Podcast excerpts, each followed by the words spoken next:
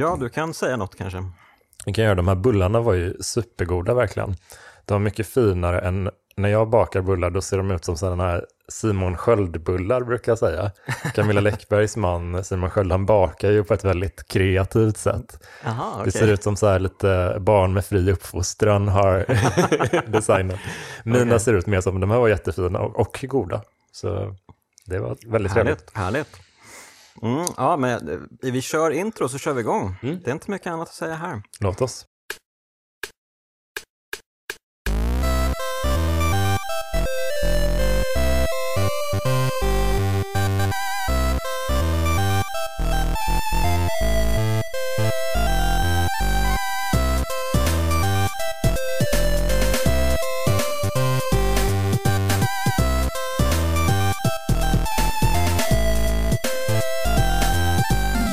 Kraftspelen är en podcast som hyllar spelen som betytt något. Vare sig det handlar om banbrytande gameplay, innovationer, nya narrativa nivåer eller estetiska genombrott så har alla kulturella verk som avhandlas i podden öppnat upp nya filer på den ettor och nollor drivna autobahn vi kallar spelmediet. Jag heter Jonas Högberg och idag välkomnar jag en annan Jonas till podden, Jonas Strandberg. Hej! Hej, hur är läget? Det är jättebra, det ska bli så roligt det här. Jag har lyssnat på din podd och eh, den har gett mig en sån nostalgiskjuts i eh, gamla klassiska och nya klassiska spel. Mm. Det är väldigt kul. Jag har spelat mycket i perioder och har några sådana här touchdowns. Där man, alltså de här åren spelade jag väldigt mycket. Typ mm. här, när jag jobbade på Bergsala spelade jag jättemycket så, Nintendo såklart. Men du, vi måste komma in på det där direkt, för att jag läste mm. den här kaféartikeln äh, du skrev mm. för några månader sedan eh, om just din tid på Bergsala när du jobbade i eh, telefonsupporten va? Mm, exakt. Alltså, hur, för det var ditt första jobb va? Ja, exakt, det var det. Och eh, hur kom det sig? Alltså, hur hamnade du där? Jag läste min Club Nintendo Magazine när jag var liksom Ja, men när jag, när jag fick mitt Nintendo 64 tror jag, kanske, eller lite efter där någonstans. Um, det hette kanske något annat, de, de bytte ju namn några gånger där. Men uh, kundtidningen för Bergsala, liksom. Mm och det var, det var så roligt. Jag tror jag blev ganska, lite radikaliserad in i Nintendo-världen väldigt tidigt. Och det byggde mycket av min identitet på att tycka om Nintendo och inte så mycket annat, utan tvärtom ha en väldigt fanboyig attityd mot andra, mot konkurrenterna typ. Mm, okay. men, eh, men sen så skulle vi ha så prao i skolan och då mm. frågade jag Mikael Nylander som dessvärre inte med oss längre, men han, ehm, han var typ chef på Club Nintendo då. Mm. Så jag hörde av mig till honom och frågade, skulle jag kunna få vara hos er en vecka? Eh, ah. Och så fick jag det. Så sen började jag gymnasiet lite senare och då fick jag jobba där några gånger i veckan. Fan vad kul! Mm. Rena rama drömjobbet alltså. Ja men det, det, det var verkligen, uh, ja, jag, jag tror jag hade en sån funderade mycket på det innan jag började jobba där. Vad är det för människor som jobbar på Bergsala på Nintendo? Och det är ju framförallt entusiaster och mm. nördar. Mm. Mm. Det kan man verkligen, alltså det är ganska många olika typer av nördar. Eh, olika bakgrund och kön och sådär, men det, alla är nördar. Ja. Vi kanske bara ska säga att uh, din fina hund Alfie springer runt lite här, ifall ni hör lite så här klipp, klipp, klippande på golvet. ja, Precis. Alfie som uh, lever kaoset Jag tror han, vägnar. Han letar ett så här, ett, uh, vi har varit på en sån uh, hundträff så han har fått springa av sig. Han kommer slockna om när som helst typ. Men ja, precis, miljöljuden. Tillfälligt extra kanske. Kanske. speciellt när vi ska prata om lite läskiga saker sen också. Ja, kul. Men vi måste i alla fall nämna att du inte bara är gammal Nintendo-älskare, utan att du även är stuppare också. Mm. Och just nu ute på turné. Ja. Det. Heter den 1988? Ja, det heter den. Jag är ah. född 1988 och det är en pastisch på Taylor Swift-albumet 1989, för den handlar ganska mycket om hur jag tog mig igenom ett breakup för väldigt länge sedan nu. Ah, okay. Men eh, precis innan jag började med stand-up och hur, hur det är att inte veta vad man ska göra med sitt liv och försöka hitta något som man tycker är kul och ha lite mm. driv i sådär. Och det hittade jag först när jag var 25 typ. Och det, det finns ju folk som hittar det betydligt senare också. Mm. Men, eh, ja, men det är som en dagboks... Eh, dagboksshow kan jag säga. Liksom. Om man ska Vad beskriva den, att den är väldigt självbiografisk och Mm. eh, nej men för jag, jag har alltid skrivit väldigt så här, lite, lite deppiga skämt, alltså, och, som bygger, spinner mycket på en deppig livsstil och sådär. Okej, ja. Men så försökte jag tänka på det, men varför pratar jag om att jag alltid äter Findus jultallrik? Eh, Liksom sådana grejer. Mm. Det gör jag ju inte, men vilken period i livet skulle jag vara mest benägen att göra det och bete mig? Och jag tillbaka lite och hittade det här skitåret 2012 som inte var mitt bästa år alls. Ja, vad roligt. Det, det påminner mig, gjorde inte James A. Caster en sån show också? Om typ eh, 99 eller något sånt Mm, där? nej men det, det är någonting att, att eh, jag tror också det är en, en lit, kanske en lite killig grej att Mhm. försöka backtracka Mm. i sitt eget liv. Och det, den är, har verkligen för avsikt att vara rolig primärt, men den är också väldigt så uppriktig om man ska säga Mm. så. Man kanske känner igen sig mycket själv också. Jag tror det. det. Alla har ju blivit dumpade någon gång, dessvärre. Eh, Mm. Eller varit med om att en relation har tagit slut åtminstone. Så Mm. det, det är väl lite så. Min, jag är ihop med en tjej nu sedan åtta år och hon hade väl inte varit helt involverad i liksom vad den skulle handla Hon var lite överraskad Jaha. när hon såg den hur mycket den handlade om ett ex. Men den handlar ju framförallt om att eh, bli okej med att det är slut, att gå vidare typ Mm. och göra Mm. något annat. Vad roligt. Eh, kommer, alltså hur länge håller du turnén på? Men typ hösten ut åtminstone. Okej. Sen jag, jag Mm. bokade in typ tio datum och bara för att eh, se liksom, hur det funkar och hur, hur, det, hur, hur kul det känns och sådär. Och sen Mm. så kanske man förlänger det lite mer till våren. Men, Mhm. Okej. men, men ja, vi får se. Ja, för att den här avsnittet kommer nog ut någon gång i november tror jag. Så Mm. att eh, då kanske det fortfarande finns eh, det, chans det att se är dig. mycket möjligt. Mm. Ja, okej, bra. Eh, men kul, du är ju den första ståupparen i podden så att bara det är ju, Är det sant? är ju kul. Eh, Gud, jag tittade verkligen på din, eh, jag tenderar att, gå på sidospår så du får jättegärna är styra mig lite ibland. Men, ja. Men jag, jag kollade på eh, genom jazzlistan när jag hittade din podd och jag bara fick en sån riktig, eh, kastades tillbaka till när jag läste som mest speljournalistik Mm. och det var så kul. Och så, det, ett av de första avsnitten jag lyssnade på med, eh, var det här jättelånga specialavsnittet om Superplay-åren där ni intervjuade Bjarneby och eh, Tommy Rydling. Ja, Mm. det var så roligt verkligen. Mm. För det var en tidning som jag läste under många år. Jag läste sen Level också och Mm. köpte ibland utländska. Men framförallt var nyhetskällorna svenska och Mm. den speljournalistik och musikjournalistik som jag konsumerade var svensk typ. Mm. För det, det, var, det var bra grejer skulle jag säga. Mm. Det är, både musik och spel, det, det är saker som svenska journalister har varit ganska länge ganska bra på att Mm. behandla, upplever jag. Så det var väldigt, väldigt kul och, och, och sen så kände jag igen liksom sådana här figurer som eh, Alexander Cederholm, Game Mm. Reactor, Mm. där skrev jag också en liten, liten kort, kort period. Gjorde Eh, du? Ja, fast typ två texter bara. Så Okej. jag var eh, så väldigt, väldigt kort. Men eh, jag har inte skrivit så... För mig har jag älskat att skriva länge, Mm. Men inte varit bra på det fram till att jag passerade 30 skulle jag säga. Okej. Så jag, Mm. det har varit mycket så här träning, träning, träning och till slut bara, ja Mm, men så här, eh, du vet man måste hitta sin stil typ.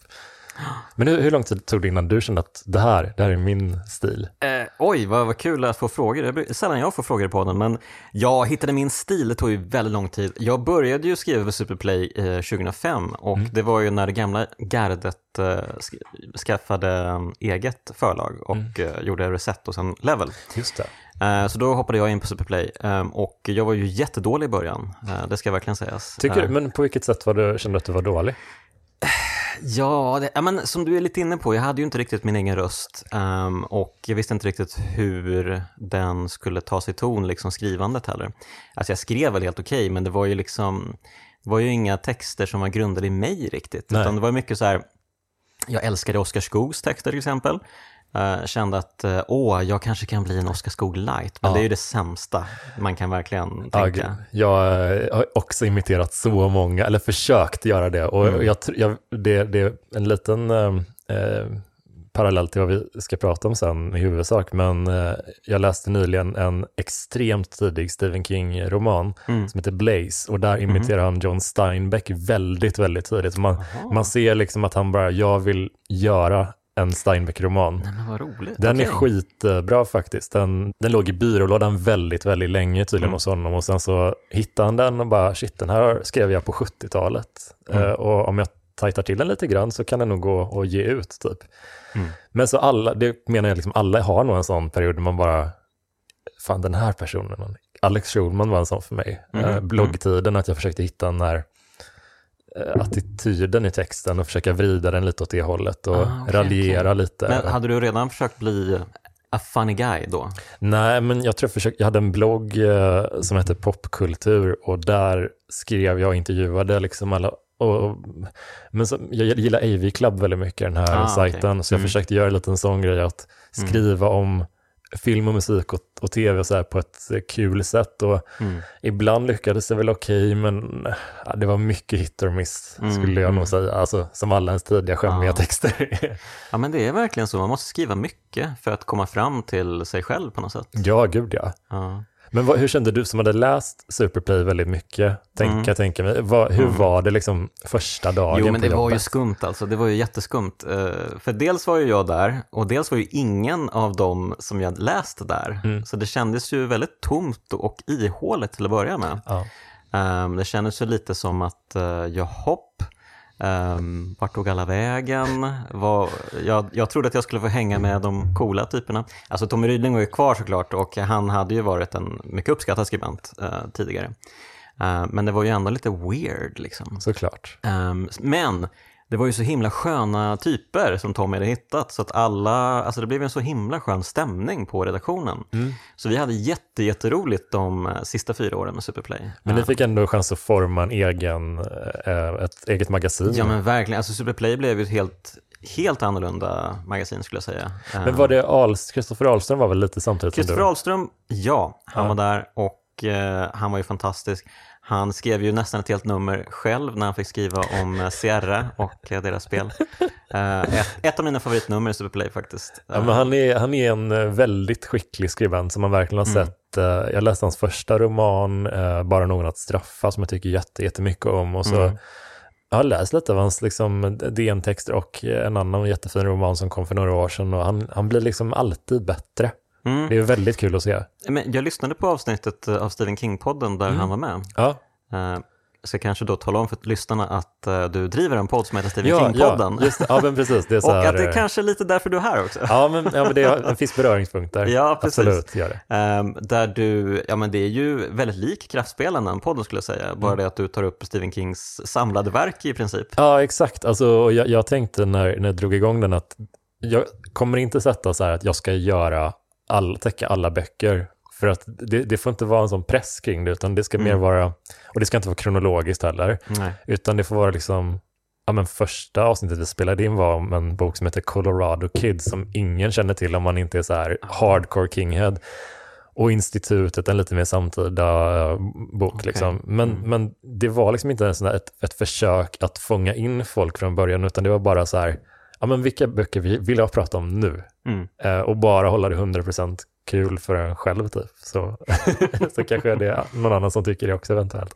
Eh, jag var ju på din senaste livepodd, tror jag, Ja, ja. ehm, om uh, pestens, nej vad säger jag, pestens tid, jag menar det, Det, såklart. ja. Och ehm, det var jättetrevligt. ja, det var så Ehm, kul att du kom dit. Jag bara, det var så många som man bara kä- kände, kände till och liksom hade koll. Det var väldigt så här, en väldigt, det var mycket kulturjournalister av olika slag där. Ja, det var jag. okej. Ja, Ja. det var väldigt roligt, så här, bara, "Ja, men du är där och du skriver där. det var skitroligt. Ja, men ni var jätteduktiga och eh, det var härligt med en, en eh, scenshow som bara var ett samtal. Eh, Ja, men det, jag tycker det är ganska kul att kolla på sånt. Liksom Mm. att bara, ja, men, att jag går inte på så mycket teater tyvärr, men kammarspel tycker jag är mysigt. Mm. När det inte är Mm. så många miljöbyten. slutna rum liksom. Exakt, och ja, men det här, alltså alla tv-serieavsnitt som är en, eh, en battle episode, en, Ah. en, de är på en plats, det tycker jag är- också är toppen. Mm, mm, mm.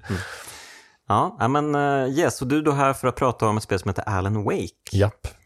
Och eh, det är ju som säkert alla lyssnare känner till ett eh, Remedy-spel utvecklat av våra kära finska grannar.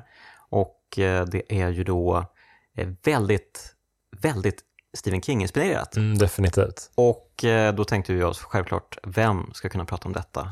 Vem kan prata om detta bättre än Stephen King-experten Jonas Strandberg? Tack. Det är jätte, jag blir jätteglad när du frågar om, om jag ville vara med och prata om det här spelet för att det, det var inte ett spel som jag var med på tåget precis från början för jag hade Mm. inte en Xbox 360 som var liksom, ja.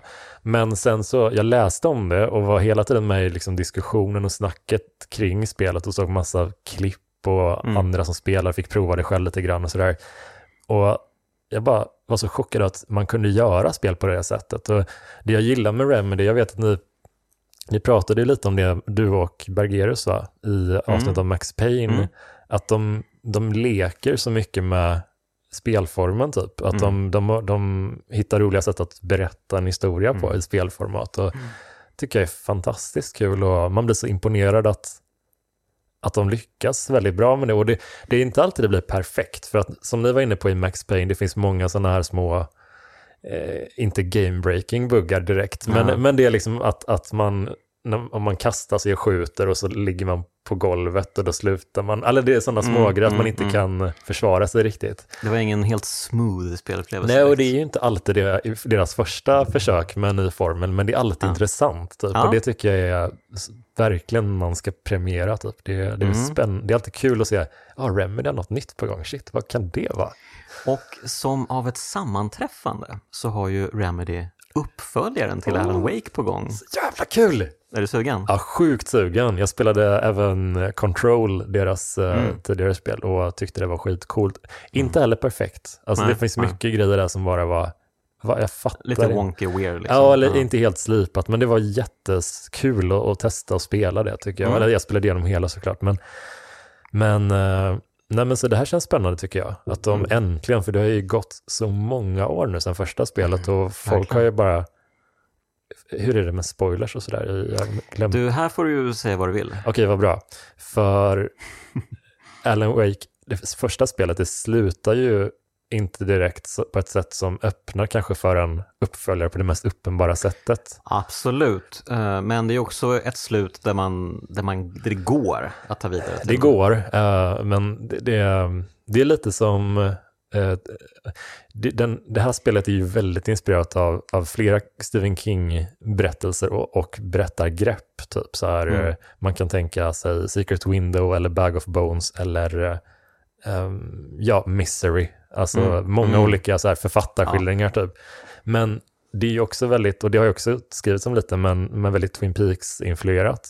Mm. Och det tycker jag att det slutet i spelet, det, det speglar verkligen slutet av säsong två Det det. i Twin Peaks och det här att vara fast i någon sorts andevärld eller någon Ja, märklig... Annan dim- dimension. Ja, Mm. det är liksom... eh, Jag, jag såg Twin Peaks, inte när det var nytt, för att då var jag väldigt liten, men några år senare liksom. Och det var plågsamt att vänta. Och Mm. man visste ju inte ens om det skulle komma någon uppföljare, säsong Mm. tre, som Mm. sen kom. Men när det väl kom, då var det som att jag bara, men det här är ju, kommer de berätta vad som hände sen? Hur, var han, hur kommer han ut ur den här dimensionen? Eller, Ja. Så det är jag jättenyfiken på nu. Mm. Och se hur Mm. Remedy ska liksom, möta den problematiken. Jag vill också poängtera att när avsnittet sen så kommer ju spelet ha kommit ut. Så att, Ja. Men vi har ju inte spelat än. Nej. Yes. Eh, Men är du, är du eller hur, vad har du för förväntningar på det spelet? Alltså jag har ju varit lite fram och tillbaka. Ehm, I början så kände jag väl lite, åh nej, ska vi verkligen... Jag tyckte att slutet var så bra i Mm. Alan Wake. Mm. Ehm, och sen har ju Alan Wake liksom, han har ju dykt upp lite grann eh, i Remedys verk, framförallt i Control då. Han är väl till och med med i DLC rent uttryckligen. Jag har inte spelat DLC men jag tror att han är med liksom, de pratar om honom och kanske med honom också. Mm. Ehm, så att eh, ja, det är ju tydligt att de har velat skapa det här liksom universet, universumet. De ska skapa sin egen Marvelverse liksom, Mm. ehm, med bara Remedy-spel. Ehm, tyvärr kan de ju inte ha med Max Payne för den IPn tillhör ju Rockstar. Men Ja, det, det är tråkigt, men jag tänker också att det, det är så de som är mest besläktade generellt känns ju Control och Alan Wake, det Mm. känns ju, ä, även om man inte hade vetat att, att det fanns eh, crossover-element, då hade man kunnat känna att ja, men det här är lite samma stuk typ. Ja, men ju mer jag fått veta om Alan Wake 2, desto mer sugen har jag blivit på det. Ehm, jag gillar ju att de ändå försöker armbåga in Max Payne till exempel, Ja. genom att eh, Sam Lake då, som ju är Ja, men han är ju den huvudsakliga skulle jag säga, manusförfattaren till alla Remedys verk. Och Ehm, ansiktet till Max Payne va? han är ansiktet till Max Payne. Det är så roligt Han när du berättade det. Ja, men han har ju det här fantastiska grimasen. Eh, Jag älskar hans ansikte, Ja. hans eh, maner i Max Det är Payne 1. jättekul. Eh, Så jävla bra. Och jag blev så jävla besviken när det blev som en riktig skådespelare, tvåan. Jag vet, det är så, Ah, Så tråkigt. dumt. Så dumt alltså. Hur tänkte de där? Men det jag gillar med eh, Alan Wake 2 är ju att Sam Lake är med i spelet. Mm. Han, ska vara, han spelar en karaktär. Okej. Han spelar nämligen Alex Casey. Oh, okej. Och Alex Casey är ju karaktären som Alan Wake skriver om. Nej! Och Shit, eh, det här det kommer bli riktigt bonkers. Mm. För att dels så kommer Alan, eller den här Casey då, han kommer finnas i den riktiga världen. Mm. Men han kommer också finnas i någon sorts drömvärld där Alan Wake befinner sig. Det låter väldigt... eh, Och då vara väldigt lik Max Payne. Ja. Åh, vad roligt. Alltså, Så de får liksom ihop det ändå. det är så jävla snyggt och jag är jätteimpad. Det, grejen så här är att om man, om man kollar på mycket så här, om man gillar David Lynch lite grann eller Twin Peaks bara, Mm, eh, det, mm, det, det är ju så många som försöker imitera den stilen ibland och att, att man presenterar sitt, sin nya film eller serie som, ja men lite David Lynch. Det är aldrig speciellt mycket David Lynch, det är Nej, liksom nej. en en liten quirky maner som någon har eller liksom ett, ett skojsätt att prata eller sådär. Men jag, jag tror att anledningen till att jag upplever att uh, Remedy lyckas så bra med uh, Alan Wake är att, att de är finnar. nej men för att, Ja, jo. nej men det, det är ett, alltså jag tänker vårt, vårt lynne i den här Ja. delen av Europa, det, det är en väldigt karg, kall liksom, miljö och eh, vi är ja men finnarna kanske lite mer generellt, men all, vi europeer är ju lite, det är lite konstigt med oss på, no, på något sätt. Vi, är- vår- vi, har, vi har andra kulturella referenser än amerikaner och Ja. britter, och, alla britter i Europa. Men ehm, det är lite flummigt där. Men, men jag tror att det, de har det som är tillräckligt lite udda i sitt berättarsätt som gör att det ändå känns, ja men det här är lite, på riktigt lite David Lynch. Mm. Men jag, jag vet vad du menar. Det, det finns ju den här hela... ehm, vi, vi har ju ändå en del... Um, alltså våran lore här uppe. Mm. Eh, vi har ju mycket så här uh, sagoväsen och gris som är väldigt skumma. Liksom. Ja, och som vi... vi har liksom- varit sjuka i huvudet väldigt länge här Ja, uppe. och, och vi har liksom, det är inte bara så att det, det är fiender eller monster i skogen, utan det är Mm. liksom varelser som vi har samexisterat med i mytologin. Ja. Liksom att vi bara, ja, ni lever där och så sköter vi vårt och så försöker Mm. vi inte störa varandra så mycket. Mm, Det är mm. ganska, det är en intressant eh, typ av, uh, ja men, samexistens med, med mytologin som vi har här uppe. Men det är verkligen intressant för att eh, de amerikanerna har ju inte riktigt samma, de har ju inte de sagoväsenen med sig. De, från den gamla världen då kanske, men de har ju inte några liksom amerikanska sagoväsen och sagor att eh, dra från. Nej, alltså amerikaner är mycket bättre på att berätta så här stories som refererar till, eller liksom på något sätt förhåller sig till vilda västern-tiden typ. Ja. Att de är duktiga på så här, eh, ja men, lone gunmen och liksom folk som står upp för sin frihet och sådana. Det, Ja. Den typen av berättande är de väldigt duktiga för det, det är ju det, en stora del av deras historia Mm. som de har gemensamt. Men vi är nog bättre på det här genuint mystiska Mm. på något sätt. Mm. Och plus att vår geografi ser väldigt lik ut på sina platser, den vi ser i Alan Wake och, och så. Det är mycket barrskogar, mycket sjöar, berg och sådär. Det är Mm. väldigt vackert. Ja, tror du att det utspelar sig i Maine det här spelet? Ja, kanske, eller liksom... Det är lite, Kanske mer inåt landet kanske? ja, men det är lite bergigare kanske, Ja. men, men någonstans där. Alltså, Mm. det, det är ju de, de amerikanska filmer som jag tycker bäst om utspelar sig någonstans österut. Liksom. Mm. Ja, det, det ska vara lite, det ska finnas lite årstider, typ. lite dramaturgi. Verkligen. Ja, men uh, Stephen King-podden som sagt Mm. och uh, spelet inleds med ett Stephen King-citat. Just det. Uh, Alan Wake talar ja, till sig själv, lite spelaren, det är lite oklart, men han säger då Stephen King once wrote Nightmares exist out of logic, and there's little fun to be had in explanations. They're antithetical to the poetry of fear. In a horror story, the victim keeps asking why, but there can be no explanation, and there shouldn't be one. The unanswered mystery is what stays with us the longest, and it's what we'll remember in the end. Ja, det är snyggt alltså. Va- Var kommer det ifrån, vet du?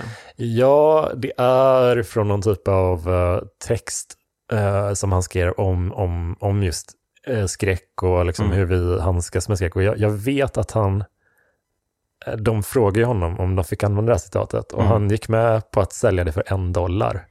Det är fin Det är så jävla King. gulligt Ja, det är verkligen. fin, alltså, jag älskar honom. Symboliskt så här. Men, men eh, han resonerar ju väldigt mycket om skräck och berättande, Stephen King. Och han, han har till och med gett ut en, en bok som heter Att skriva eller On Mm. Writing, som delvis behandlar det. Och han mystifierar inte skapandet så mycket, utan han Nej. är ganska öppen med att det här är ett, ett värv, det är ett hantverk. Och Mm.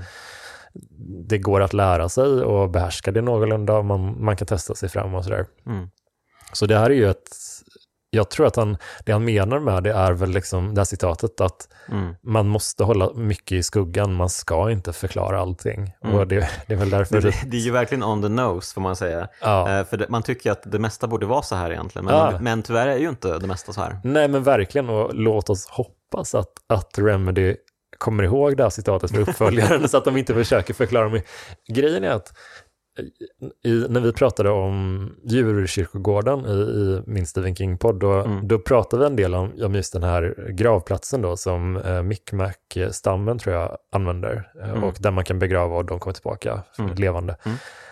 Jag ville veta mer om den platsen, lite mer om historien och sådär, men samtidigt, det vi får reda på i boken och filmen, det räcker ju för att vi ska begripa berättelsen Mm. och det håller oss ändå lite i skuggorna. Så att jag tror om man har nått den punkten där man får läsaren eller tittaren att vilja veta mer, Mm. det, det är bra. Men man ska inte berätta, man ska inte ge dem det. Nej. Typ. Men nu när du pratar om djurkyrkogården, det kommer ju en uppföljare snart. Ja, just det. Och i den så ska de ju förklara massa. Vad tycker du om det?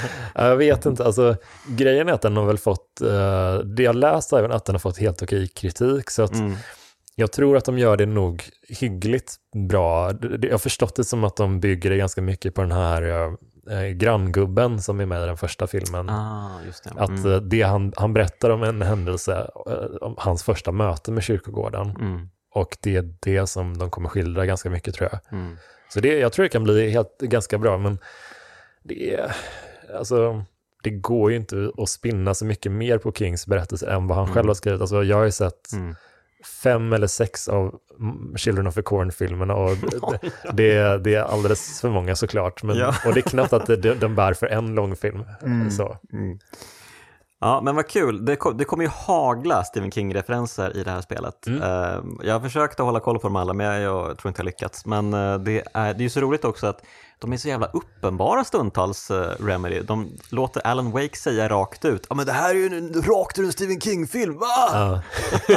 Då kände jag lite så här, hmm, Ja. kunde ni inte tonat ner det lite kanske? De gillar ju verkligen eh, det där att, eh, jag tror ibland att de, de har en idé om en referens till King och så Mm. tänk, har de gjort den och de tycker så mycket om den här referensen men de Ja. känner också att den är för uppenbar så de måste Så de måste ta det. ett varv till, liksom, att Ja, bara, typ. ja men om vi påtalar att det är extremt uppenbart, ja då kommer vi undan. Jag, jag läste en, eh, för kanske nästan ett år sedan så läste jag en jättefin Stephen King-bok som heter Benrangel eller Bag of Bones. Mm. Som, eh, Jag har hört talas om den. den, är, den verkligen rekommenderar. Liksom. Den, den handlar om en, en man som författare givetvis och hans fru eh, har dött och han, han lider parallellt med, med den här han av skrivkramp typ. Aha, okej. Så han flyttar till, eh, jag tror fan det kan vara Derry, skitsamma, han flyttar till någon liten Maine-ort där han bor i en, en sjöstuga typ.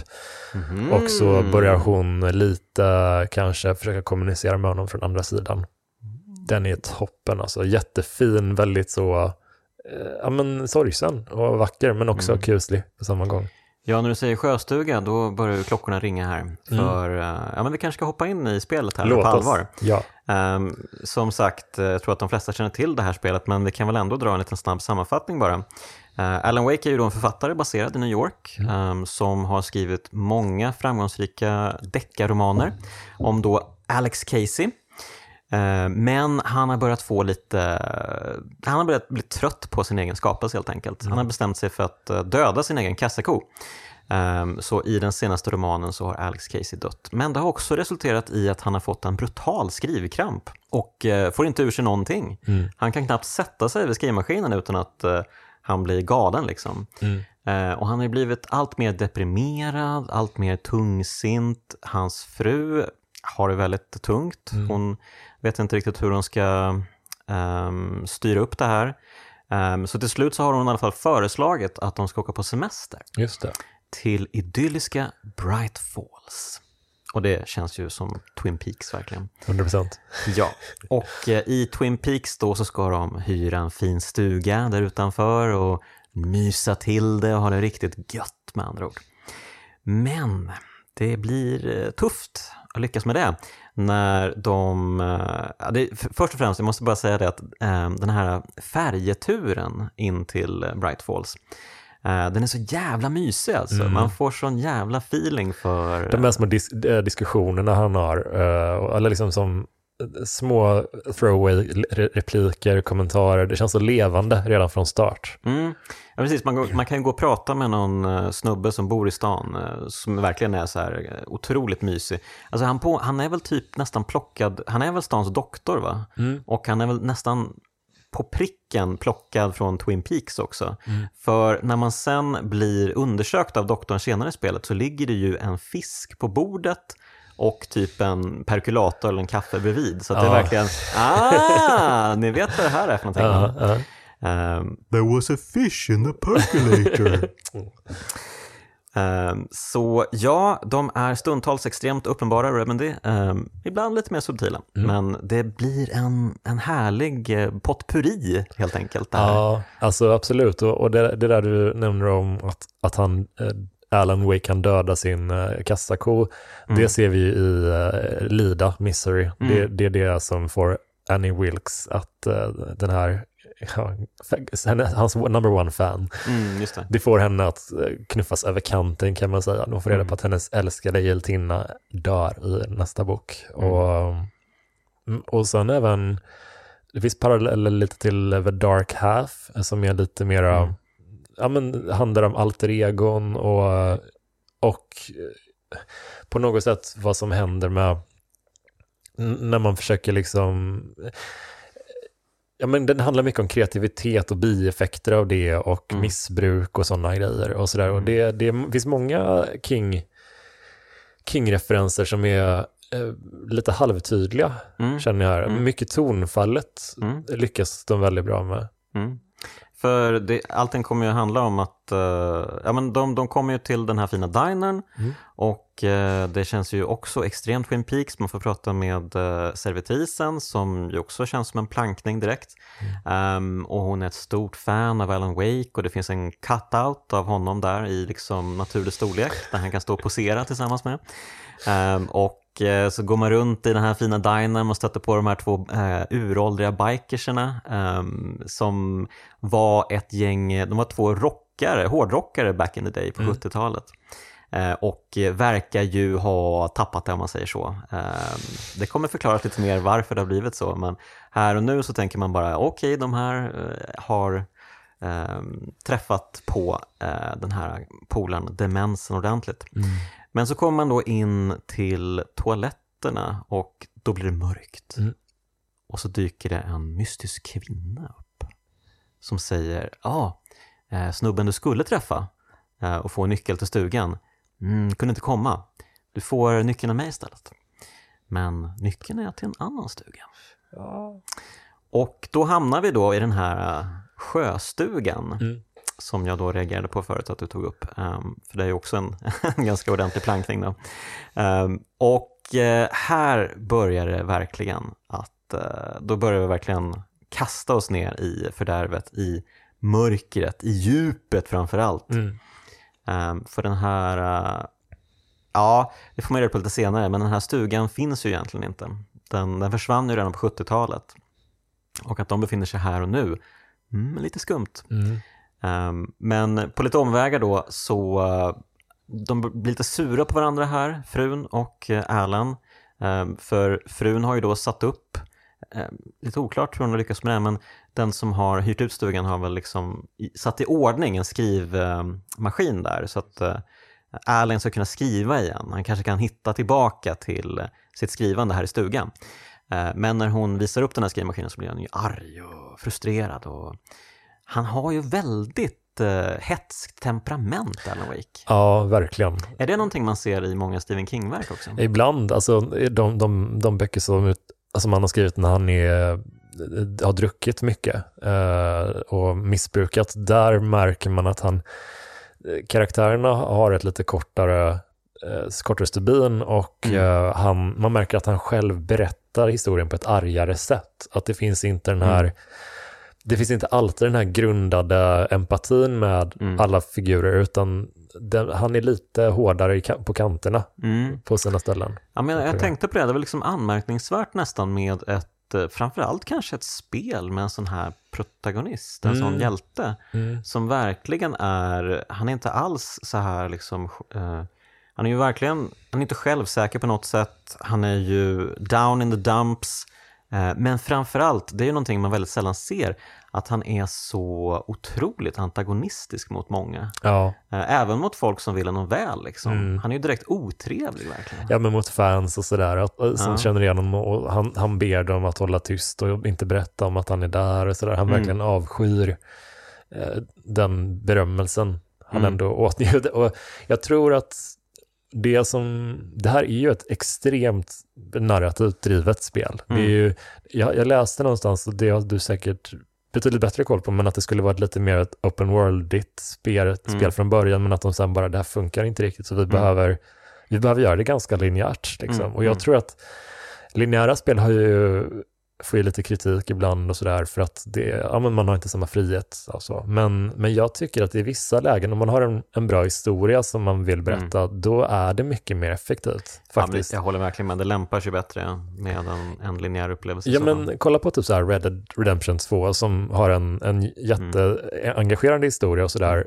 men det är ju också den där friheten man har att göra lite vad som helst. Det gör ju att man kan ju bara rida omkring och ha, liksom slappa mm. eller liksom göra vad man vill mm. innan man går vidare i storyn och då kanske man lite har tappat tråden ibland för det finns så mycket intressant att utforska. Så är det verkligen. Så, är det, verkligen. så det är väl lite båda, jag tycker om att det är ett så, det är väl sex kapitel typ som Eh, det är Red Dead Redemption? Nej, uh, Alan, Wake, för att ja. toppa lite. Ja, ja absolut. Uh, det är ju, jag, jag, tyckte ändå att det var ganska långt. Man hade kunnat skära ner lite tycker ja, jag. lite trimmat faktiskt. För mm. att just om man kollar på dem rent, för jag älskar historien, tycker den är jätte, alltså toppen verkligen. Mm. Men just gameplayet har liksom Mm. Det, det, är lite föråldrat. Ja, och särskilt så här, både du och jag spelade ju den remasterade versionen för det här mm. avsnittet. Och man, det är ju väldigt mycket snyggare såklart och det, det ser ut som ett modernt spel, men just det där hur man liksom bekämpar sina fiender, det är lite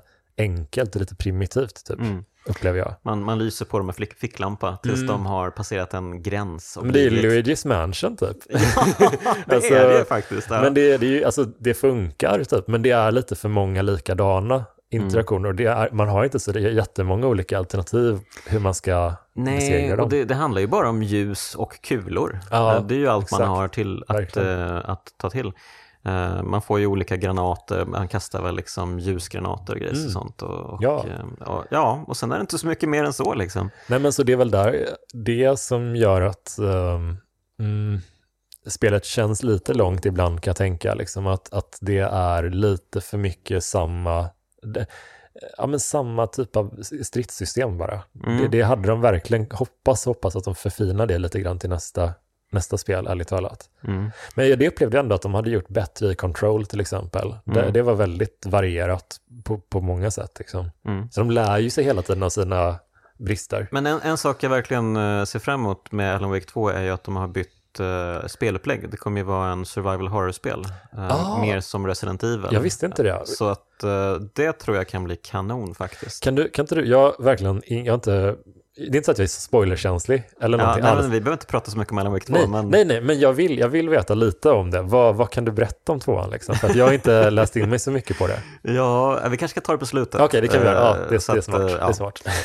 Yes, men, ja, men vi går vidare för att i den här stugan då så eh, skrivmaskinen, han blir arg, han går ut ur huset, han hör frun Alice skrika, springer tillbaka, eh, ser att hon sjunker ner i vattnet i den här utanför stugan då. Mm. För stugan är ju liksom, det är ju en liten, liten, pytteliten ö där typ egentligen bara stugan finns. Ja. Eh, och hon har då fallit i vattnet, verkar det som, och Alan kastar sig i. Allt blir mörkt och sen vaknar han upp i sin bil. Just det. Och då vet man inte att det gått en vecka i spelet. Ehm, eh, eller i den spelets verklighet. Ehm, och man förstår inte så mycket alls av vad det är som pågår, för då börjar de här konstiga fienderna komma, man Mm. börjar använda den här eh, ficklampan och vanliga puffror för att skjuta ner fienderna efteråt när de har blivit så här ehm, Ja, när man har liksom f- fått bort det mörka från dem, precis som i Luigi's Mansion. Mm.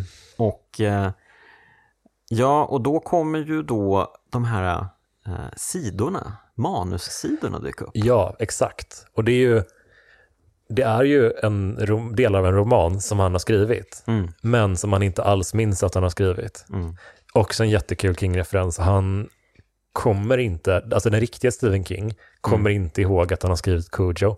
Han, eh, han minns liksom inte den, all, alla andra av hans böcker kan han liksom återge att ja, men den här kommer jag ihåg, den här blev inspirerad på det här sättet. Och, men han minns inte att han satte sig ner och hittade på den här berättelsen.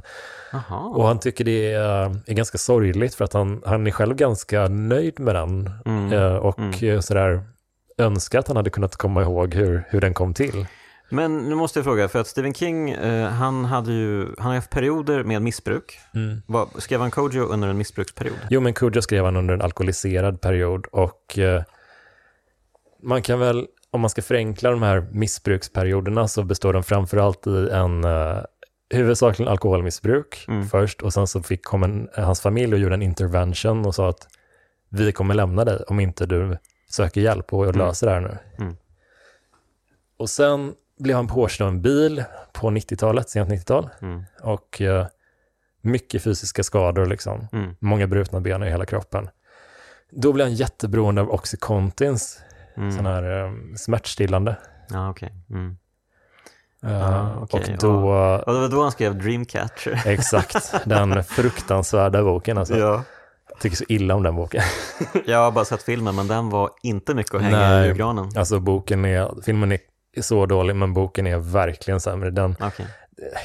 ja, du, ja Mm. man märker, det, det är ju på något sätt att han kan skriva överhuvudtaget när han är så ne- nere i Mm. substanser. Det är ju väl någonting, men den är fortfarande inte bra. Okej, Eh, men vad spännande att ändå Kujo, eller tycker du att Kujo är bra? Jag tycker om den, men, Ja. men jag gillar, jag tycker King är ganska bra på, det nämns ju ibland att han är bra på att skildra barn Mm. eh, och sådär. Och kvinnor också faktiskt, men Mm. just djur tycker jag han är vä- väldigt duktig på, särskilt hundar. Han, det finns en hund i um, Pestens tid som heter Kojak tror jag, som Mhm. ett eller två kapitel berättas faktiskt ur hundens perspektiv. Nej, okej. Den är, det är faktiskt jätteintressant tycker jag. Det finns då ett kapitel i Pestens tid som berättar ur hundens perspektiv och Mm. hur hunden försvarar deras bosättning, människornas bosättning mot eh, en vargflock Mm. och eh, drar på sig lite skador men ändå lyckas liksom skrämma bort dem. Okej. Mm. Och även i Cujo tycker jag det är så djupt sorgligt för att om man inte har läst den så det handlar ju om att eh, en hu- hund blir rab- rabiessmittad och det är en Mm. stor Sankt Bernhardshund, Mm. så här båtsman, en sån gosig, Mhm. 100 kilo, men gosig hund liksom. Mm. Och han råkar gräva i fel eh, hål i någon, gro- någon grop och blir riven av en fladdermus tror jag det är Aha, okej. Mm. och får rabies och då får man liksom följa hans sjukdoms, hur den påverkar hans hjärna och hans sätt att uppfatta omgivningen och sådär. Mm. Det är jätte, alltså det, jag är väldigt så djur, djurmänniska så att jag tycker det är jättejobbigt att läsa den men det är också Mm. väldigt intressant och engagerande faktiskt. Ja, men det känns ju också relevant uh, i och med Alan Wake här, för att uh, de här manussidorna då som man hittar i spelet, de uh, har ju han skrivit fast då tidigare under veckan. men det är ju ingenting man liksom, liksom vet här i början, utan mm. det kommer ju, den informationen får man veta i slutet av spelet. Men Ehm, det är tydligt att det är hans röst i alla fall, för han läser ju upp det här själv när man väljer att titta på manussidorna. Mm. Och det är, ju, eh, det är ju lite hårdkokt skrivet, men också lite mystiskt, lite, kanske lite Stephen King-stil. Jag vet inte riktigt, jag har inte mm. läst så mycket. Du mm. kanske kan säga mer, vad du tycker? Uh, nej, men det, det kan det väl absolut vara. Jag tycker det är lite... Det, det, är ganska, alltså på sina ställen finns det lite så Richard Bachman-paralleller skulle jag säga. Mm. Richard Bachman är en pseudonym som Stephen King mm. använde. Mm. Och det är en ganska man ska förenkla den, ja, men det är en ganska nihilistisk författare. Richard ja. Bachman tycker inte så, ser inte så mycket hopp i människor, hur de, hur de beter sig. Han, mm. han betraktar folk som ganska egoistiska ofta.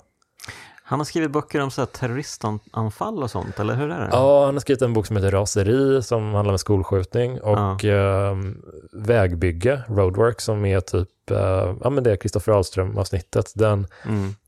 Det är, det är lite så falling down historia om mm, en man mm. som känner sig sviken av samhället och det. Mm. det. slår slint i huvudet på honom. Och sådana grejer. Det är mm. aldrig speciellt hoppfulla berättelser med Backman. Nej, och det låter ju inte så hoppfullt det vi får veta här också. Utan, men det roliga med, med de här manussidorna är ju att uh, Alan Wake har ju då skrivit resten av spelets historia kan man säga. Ja. Um, och det vi läser på de här sidorna, det kommer hända i spelet lite senare. Ja. Så vi får ju liksom en heads-up, att snart är... kommer vi till en bensinstation. Mm. Det är så mm. jävla kreativt. Jag tycker det är skithäftigt verkligen. Och, och det känns så lekfullt och kul, verkligen. Mm. Jag, ty jag tycker det är så smart att de, att de gick för spåret. När de, när de märkte liksom att vi, vill, vi gillar Stephen King, vi vill mm. göra mm. någonting åt det hållet. Mm. Det var så smart att de mixade in eh, Twin Peaks också i det. Mm. För att det gör att det inte känns lika mycket som ett försök att imitera Stephen King, utan mer som en en tolkning av hans berättarstil lite och mm, hans ja, troper. Jag, sådär. jag förstår vad du menar, precis, att det blir um, en pastisch kanske snarare. Ja, exakt. Det än... känns mer som att, att det här har vi, tror vi att vi har någonting nytt att, att ta till bordet mm, mm. Uh, kring, kring det här projektet och det tycker jag många gånger att de har också. Ja, men det här med manussidorna är ju briljant faktiskt. Um, och uh, dels att det är väldigt mörkt. Um, vi får veta om den här dark presence som verkar ha bosatt sig i den här sjön. Mm. Um, och att sjön, är det ens en sjö eller är det en annan dimension? Mm. Ett, ett, uh, en, uh, en grogrund för mörker liksom. Jag tycker det är läskigt med sjön för att jag har verkligen jättesvårt att säga djupa, mm. djupa, eller men havsdjup och sådär. Mm. Tycker det är jätteobehagligt. Men jag förstår vad du menar. Så här riktigt mörka vatten kan vara superskrämmande. Ja, när man ser sådana här, eh, om man ser någon dokumentär, att någon, om du ser någon som simmar eller en båt som åker över havet och så ser man liksom en sån genomskärningsbild att mm. hur otroligt långt det är ner. Ja, just det. Att de bara hänger där uppe och Ja, verkligen. Och att det blir så otroligt mörkt där nere också. Fy. Nej, det är verkligen, det, jag simmade liksom, tog simmärken tills jag blev liksom 15 eller någonting och då, då var ett moment alltid att man skulle djupdyka ner liksom mm. eh, typ tre meter eller någonting bara, så det var inte så farligt, men det var liksom, man såg ingenting för att det var, det var tvunget att ske eh, till havs för att det var inte tillräckligt djupt i sjöarna. Mm. Eh, där, där jag bodde i alla fall. Och då, man såg ingenting. Det var så mörkt och man, man skulle plocka upp något skit från, från, från botten och sådär. Mm, mm, mm. Man kände sig så desorienterad bara. Okay, okay. Ja, jag hade ju eh, ynnesten att växa upp i Motala och där mm. ligger ju Vättern som är ah. en av Sveriges klaraste sjöar. Gud, så så där kunde, man, där kunde man se svinlångt ner. Gud, så avundsjuk på dig. Jag önskar att jag hade fått använda simverken där. ja, men det, jag kan verkligen rekommendera det. Ja. Åk, till, åk till Motala och besök eh, Varamobaden, Sveriges längsta insjöstrand. Superfint. Gud, det låter toppen. Ja, det, och vattnet är oh, peachy. Verkligen. Fan vad trevligt. Mm. Men eh, låt oss återgå till det här mörka, hemska vattnet ja, i ja. Alan Wake då. Och eh, ja men eh, de här liksom spelbaserade sekvenserna är ju inte jätteroliga att prata om för det är ju egentligen bara Luigi's Mansion eh, all over verkligen. Mm. Man slåss mot jättemånga som blivit besatta av mörkret på något sätt. Mm. Um, och så försöker man ta sig ur diverse knipe, knipor, man försöker liksom Um, skapa ljus på så många olika sätt man kan. Uh, man stöter på sådana här maskiner, man kan typ jumpstarta för att starta en lampa. Um, och ja, men sådana grejer. Mm, mm. Så det, det är liksom inte superintressant. Nej, um, det är inte det. Det, det, är inte, det drar ner tempot lite grann, mm. Men det, det får en Alltså det är ju tillräckligt interaktivt för att det ska kännas som ett spel och inte som att de bara vill mm. animera en film typ. Mm.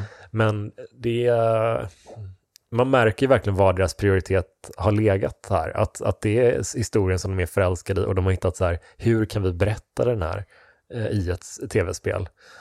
Nu satte min hund åt dig här, det är din bästa kompis. Mm. Uh, nu ska vi se, nu tappade jag tråden lite. Uh, blev hundbiten här. Nej, inte biten, utan hundbiten. Gud, jag, jag, jag, blev biten en gång i, uh, i Vitryssland faktiskt av en rottweiler. Det var Aha. riktigt läskigt. Och, Men kände jag, du då att uh, Cujo Alltså, fanns i närheten. Jag tänkte ju på rabies eh, direkt, men lyckligtvis så var det en ganska gammal rottweiler och mm. eh, hade hälften av tänderna kvar kanske. Så det blev bara ett fett blåmärke. Typ. Uh, läbbigt ändå. Men, ja, läskigt. Mm. Men jag fick umgås med hunden lite efteråt. Eh, det var en familjehund som bara blivit lite chockad att jag var där utanför dörren och så. Sen mm. så, så jag är inte hundrad nu, lyckligtvis. Du har en hund? Jag har en egen hund. En väldigt att, liten sju kilos tax dock. Så, ja, ja, jättegullig. Jättefin. Ja, Alfie. Hon är fin, ja. Är det från uh, filmen? N nej, alltså egentligen inte. Det är bara, han såg ut som en Alfie typ. Ja. Uh, mm. När vi fick honom, så att det fick det bli. Mm. Ja, men åter till spelet då. Då ska ja. vi se här var vi var någonstans. Jo, vi, vi kommer till en bensinstation och det händer massa sjuk skit där. Mm. Och um, förr eller senare så kommer tillbaka till staden. Jag minns inte exakt hur det var. Jo, sheriffen kommer och hämtar honom. Så mm. är det. Och Eh, hon är väl inte helt med på båten när han börjar, eller nej, han förklarar inte ens vad det är som har hänt för att han förstår ju att hon inte kommer tro honom. Ja, exakt. Um, för han har ju dödat en massa människor. Ja, ja men precis. Han, han är en väldigt svår sits att det finns liksom ingen allierad, det, han, har liksom, han är fortfarande desorienterad. Mm. Och det tycker jag är ganska snyggt skildrat för han är lika, vad, vad fan är det här, som vi som spelar spelet är. Mm. Det, mm. det är en ganska bra ett bra sätt att synka så att vi är på samma våglängd som mm. Alan Wake är. Mm. Nej, men för han vet ju inte att han har skrivit de här manussidorna, för att han har ju inget minne den senaste veckan helt mm. enkelt. Så att uh, han, han är ju väldigt desorienterad och uh, han försöker ju bara ta sig tillbaka till sjön kanske på något sätt. Han tror att uh, hans fru kanske lever fortfarande eller inte. Allting är mm. väldigt oklart i alla fall. Um, så, men då dyker ju Barry upp mm. eh, hos eh, sheriffen. Och Barry är ju hans agent. Just det. Och en väldigt speciell karaktär får man säga. Ja, jag tycker ändå om honom. Som, han, mm. är, han, är så här, han grundar berättelsen ganska mycket. Mm. Vi behöver någon som Alan har en relation till, som han känner väl. Ja, han är ju väldigt mycket New York får man säga. Barry. Ja, det gillar jag jättemycket. Ja, ja, ja. Nej, men han är så här, vi pratade om det i ett, uh, i ett tidigare Stephen King-podden avsnitt om just eh, att det, fantasy eh, är ju många väldigt förälskade i liksom som genre och sådär. Mm. Jag tycker ofta att det blir för främmande mm. om det inte finns en, en förankring i ja, men Narnia till exempel. Mm. Det finns London och så finns det Narnia. Man mm. kan röra sig mellan dem. Då tycker jag det är lite lättare att relatera till och, och, och få grepp om världen. På samma sätt här. Mm. Att uh, Barry, den här agenten, liksom, han är han är lite en, eh, ett ankare, liksom, mm. eller liksom en koppling till vår värld mm. som finns kvar. Mm. Och det gör att man har lättare att acceptera de här lite mer surrealistiska mm. grejerna, för att vi har hela tiden något att jämföra med. Vi har hans New York-tugg, väldigt ja. vardagliga, avslappnade snack. Och så det här helt surrealistiska som bara bryter in ibland med de här skuggorna och mm. varelserna. Ja, men han är skön som sagt. Jag gillar, jag gillar Barry också. Um, han är ju en lite rultig, stor gubbe. Um, eller gubbe är han ju inte, han är väl kanske 40 max. Men ja. um, han har sådana härliga kläder på sig också, den här röda puffiga jackan ja, som han kommer med. Det är liksom som att oj, nu ska jag upp eh, till uh, upp norrut där det är kallt. Ah, jävlar, bäst att pilsa på sig ja. ordentligt. Liksom. det är så kul hur liksom, man tänker inte på hur sjukt stort USA är. Alltså. Mm. Det, det, är alla typer av klimat över landet för att det, det är bara tidszoner som bara liksom... Ja, det. Mm. det är, man kan ändå förstå honom på ett sätt, fast han är också en New Yorker. Han borde fattat Ja, Ja, precis. fan. Han är ju, precis, han är ju en liten wise guy, liksom. han, han har koll på läget, känns det som. Ja, Eh, men nej, men han är väl lite, men just här kanske a fish out of water, men det gör ju honom också lite härlig och eh, som du säger, ett ankare. Mm. Um, han är ju en länk till Alan Wakes gamla värld. Ja. Um, så det är väldigt skönt att han dyker upp och eh, han är ju inte jättesvår att övertala heller. Att, eh, du, det händer riktigt konstiga grejer här Barry. Mm. För att de åker ju upp till en stuga ehm, och Alan säger att han ska dra iväg och prata med Um, ja, just det, det dykt upp en kidnappare som säger sig ha kidnappat hans fru. ja precis. Och eh, då ska han iväg och eh, prata med kidnapparen och eh, han är ju otroligt arg. Han ska, han ska döda kidnapparen. Mm. Som sagt, han har väldigt uh, hetskt temperament, Adam Wake. Eh, men eh, Barry bara, ja, ja visst, okej, det är väl så här då. Um, stick iväg du då, så hänger jag här. Mm. Um, och då, sen när man ger sig iväg på sin vandring för att hitta den här eh, kidnapparen så stöter man ju på manussidor där det står att Åh nej, Barry blir anfallen i stugan. Ah, nej, ja jag vet. Mm. Så att, eh, ja, det där är så smart alltså. Man har lämnat Ja. honom ensam där och sen så bara, jaha, just det, vad dumt, ja, ja. Ja, men jag tycker också att Barry har en, eh, han funkar på ett bra sätt för han, han, ehm, eh, han blir som en sådär en måttstock för hur sur, surrealistiskt det som sker är också, Mm. för att han är en så normal människa. Mm, Och han är inte helt uppslukad av allt det här konstiga än. mm, Så att det blir, det känns inte, vi blir aldrig, vi som spelare blir aldrig vana vid att det är surrealistiskt och liksom tar det för givet, utan Mm. det hålls kvar hela tiden liksom. Och jag tycker Mm. jättemycket om det. Det, det är väldigt effektivt hur spelet, hopp, hur spelet Mm. hoppar in och ut ur den här konstiga skuggvärlden. Ja, men det är väl också skönt att ha Barry som eh, liksom en annan typ av karaktär än alla de här Twin Peaks-karaktärerna man stöter på. Ja. För de, de känns ju väldigt speciella, Mm. eh, som att de bara kan existera antingen i en Twin Peaks-liknande stad eller på den här platsen på jorden. Liksom. Mm. Eh, för det, här, det är ju det här lynnet som Ja. vi varit inne på lite, lite Fargo-aktiga också kanske. Men du är från Motala sa du. Eh, känner du igen dig mycket i, liksom? Jag växte upp mot eller jag är född här faktiskt. Du är född där? Okej.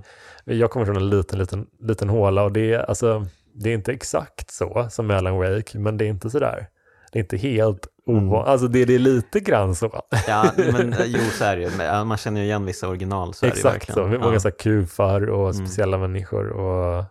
Nej, vi, det, vi stötte även på Dr. Hartman här på sheriffkontoret innan Barry kommer tror jag. Mm. Eh, Då får vi ytterligare ett prov på att Alan Wake är lite labil nästan. Just det. För eh, han säger ju att ja, men jag, kan, jag kan hjälpa dig, vi, vi kan prata lite, för han är ju då psykiatrikern. Eh, Det glömde vi säga, eh, för Alice, Alan Wakes fru, eh, det är inte bara det att hon har liksom installerat en skrivmaskin i stugan, utan hon har även ringt Dr. Hartman Ja. och sagt att ja, men vi kommer, Alan och jag, och hoppas att du kan hjälpa honom helt enkelt. Mm. Vi ska snacka lite. Och det visste inte Alan Wake om. Mm. Så att han har blivit iväglurad till den här, på, den här, på den här semestern då. Det. Men det, redan direkt då så får han veta men dels eh, att han förväntas börja skriva igen, det Mm. vore skönt, eller är skönt om du kommer ur ditt skal. Eh, dels, vi ska ta hand om dina demoner. Mm. Ehm, och eh, ja, men jag förstår ju att han blir lite um, taken aback, så här. ja, man känner sig nog påhoppad. Ja men trängd, verkligen. Ja, verkligen. Man kan ändå förstå det på något sätt. Att det, det känns som att de andra har gaddat ihop sig. Liksom. Folk omkring Mm. honom som han ändå har respekt för och som han känner. Och så där, att de, de vill ju väl, Mm, men det kän, när man är i en sån situation, det känns ju inte så. Det känns ju som att man blir angripen. mm. Typ. Ja, och i det här fallet så angriper han ju tillbaka. Mm. Eh, han ger ju Dr. Hartman en eh, knytnäve, Ja. sänker honom till marken. Um, men, eh, ja, ja, och eh, ja, men eh, den här kidnapparen i alla fall, Alan Wake ger sig iväg eh, för att prata med honom och det blir en lång exkursion och ja, man skjuter på så många fiender och eh, som sagt, de hade verkligen kunnat korta ner det här spelet ordentligt känner jag. Um, men, eh, och kidnapparen, det blir tydligt också, kanske inte här direkt, men ganska snart att är det verkligen den här kidnapparen som ligger bakom allting? Det Ja. mm, tror jag inte riktigt. Mm. Um, men verkar vara en del av pusslet, för det är många pusselbitar. Mm. Um, och um, ja, jag minns inte alla vändor så här i huvudet, men jag minns ju att man förr eller senare kommer till den här Dr. Hartmans klinik. Mm. Man dyker upp där till slut. Just det. Um, och har väl i princip blivit um, committed, alltså tvångsinlagd där. Ja, För det är ju många som tycker att han har tappat det helt enkelt, Alan Wake. ja det, han känns ju väldigt sådär, eh, han känns lite utbränd eller lite alkoholiserad. Det är lite svårt att, vi vet ju inte sådär jättemycket om hur han har varit innan det här. Vi Mm. får ju se lite glimpses Mm. i början och sådär, men det, det är lite svårt att jämföra om man, om man inte vet hur han har varit. Men, men Vi får ju en tillbakablick ja, någon gång. det är sant. Eh, eller två tillbakablickar får vi. Eh, men vi får ju då se hans lägenhet. Um, så här fin, flashig New York-lägenhet. Och ehm, han eh, ja, går runt där tillsammans med frun. Som, hon är ju fotograf då och har tagit ehm, bilderna på honom till alla omslag och sådär. Mm. Ehm, så att eh, det känns ju som ett power couple. Just det. En är författare, en är fotograf, Mm. eh, konstnärsyrken självklart. Ehm, och eh, frugan har ju då en, ehm, en stor skräck. Hon är rädd för mörkret. Mm. För strömmen går ju då i den här första flashbacken och det blir helt mörkt i lägenheten. Ska man försöka hitta fram till backup-ljuset då. Just det. Och ja men eh, det är väl skönt att de hittar lite någon, någon liten tematik där också. Ehm, för det är ju mörkret som är den stora faran i spelet. Men ehm, jag tycker väl att hon är lite underutvecklad, eh, Mm. frun. Hon är inte med så Nej. mycket och jag tycker att hon känns lite... De hade verkligen kunnat jobba mer med henne. Ja, det tycker jag eh, King själv gör mycket, mycket bättre i den här Bag of Bones, för att där känns, eh, där känns eh, båda i det här paret, liksom, både den Mm. döda frun och liksom mannen som är kvar, båda känns som människor på, Mm. på sina sätt. Och det, det är en grej med den också som, för King själv, Mm. eh, upplever inte jag tror så mycket på skrivkramp som Mhm. en riktig grej, utan han betraktar nog lite som en ursäkt att, inte, att man inte bara sätter sig ner och det, jag tror att han tycker lite så, men han är Mm. väldigt bra på att skildra den, den skrivkramp som författaren i Bag of Bones upplever. Mm. Att eh, han berättar en kul detalj om honom och det är att han, man, han får ge ut en bok om året Mm. och det, det är också vad han rekommenderas göra för att bibehålla fanbasen och sådär. Mm. Men han är också väldigt produktiv. Innan han drabbas av den här skrivkrampen så han skriver en till bok Mhm. om året, så lägger han undan den ena liksom. Mhm. Eh, Så han lyckas liksom parera den här skrivkrampen och dölja den ganska länge för sin agent genom att han har en hel låda med böcker som inte är utgivna. Och då, eh, så det, det, han, han gömmer det problemet ganska länge på samma sätt som en alkoholist kan dölja liksom sitt problem och sitt missbruk. Mm, Okej. Eh, det, det tycker jag är intressant och det, jag tycker ändå att skrivkrampen, det kan nog leda till väldigt mycket frustration om man upplever den så, att man bara, jag kommer inte på någonting. Mm. Eller mm. det, jag- det jag kommer på är bara skit, verkligen. Mm. Så det måste vara jobbigt, men, men jag upplever att det finns något annat också hos honom. Mm. Någon, någon typ av mental, mentala problem, typ. Det verkar ju som att eh, författare i Stephen Kings världar ofta drabbas av mentala problem. Jag tänker på Ja. Shining också exempel. Ja, exakt. Den är ju ett jättebra exempel, verkligen. Hur, Mm. Det är också det, är den platsen och det är hans... Att det finns eh, ett inneboende mörker i platsen som Ja. gör sig påmint. eh, Ja, men som i... förstärker det han också. Ja. Han är ju så här, eh, han är ju typ, han har slag, i, i, både i boken och jag tror att det refereras till i, i filmen kanske, att så har, han har slagit sin son ganska ordentligt, Mm. liksom, så att han har brutit en arm vid ett tillfälle och, Mm. och han är ju elak mot sin fru och super, borde Okej, verkligen ha sökt hjälp och sådär, men gör inte riktigt det. Så att det är mycket så här, mm, Ja, just det. För i filmen så framstår han mer som en, äh, inte good guy, för att han är ju Jack Mm. Nicholson. mm, mm. Det är Nej, väl kanske verkligen. fel casten kanske i den filmen. Nej, men de putsar ju bort lite av de här grejerna som gör honom till en... eh, Ja, men det som jag tycker funkar så bra med, eh, med Jack Torrance, pappan i bo- i boken, är liksom hur han... Man får lite tillbakablickar på hans historia av att han antagligen har, han, han har gjort det mot sin son, han har slagit honom Mm. och att han typ har slutat dricka, men han har liksom inte riktigt sökt hjälp för det, utan han har mera, nu tar jag tag i det här och försöker Och det går ju inte sådär jättebra, liksom, för att det, Mm. det är ju ett beroende liksom, och det är väldigt svårt att Mm, handskas med det utan att få hjälp om man är riktigt inne i skiten. Så att Mm. det är mycket så här, den här klassiska mannen som ska ta tag i saker själv Ja, och inte Mm. vill söka hjälp för att det är svaghetstecken. Typ. Och jag känner väl lite grann så hos Alan Wake också, Mm. att han är en sån snubbe som bara, en, en tuff snubbe som inte vill ta Ja, det, det, man får ju lite intrycket att, att eh, den här tuffa polisen han skriver om Alex Case, att det ändå, det, det kommer ju lite ur honom också. Mm. Ehm, absolut. Jag menar, han, han, han drar sig ju inte för att uh, knocka en kille på sheriffstationen till exempel.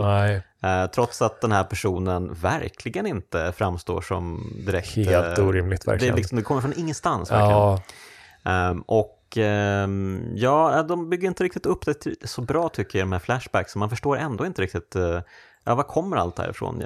Är det Ja. bara skrivkramp? Det kan ju inte bara, bara vara det. Liksom. nej, jag, jag tänker typ att han har, eh, eh, ja, men det, det är väl en sån grej som folk brukar säga om när, när man blir utbränd, att, att man har eh, lättare till, till ilska Mm, och sådär. Att mm. man, man är snarstucken, man känner sig påhoppad, man blir lätt arg eh, Mm. och sådana grejer. Jag tror att min hobbypsykologanalys är lite, Ja, låt höra. men jag tror att han har den här eh, skrivkrampen som någon sorts grund och så har det byggt upp en otrolig prestationsångest och han är stressad för han kan inte leverera till deadlines och Mm, mm. skjuter det framåt men kan inte leverera fortfarande. Och så här, jag tror att han har det har liksom byggt upp, byggts upp, byggts upp, byggts upp i huvudet på honom. Mm. Och sen så kanske han har börjat självmedicinera för att Mm. alltså parera Mm. den ångesten som det innebär.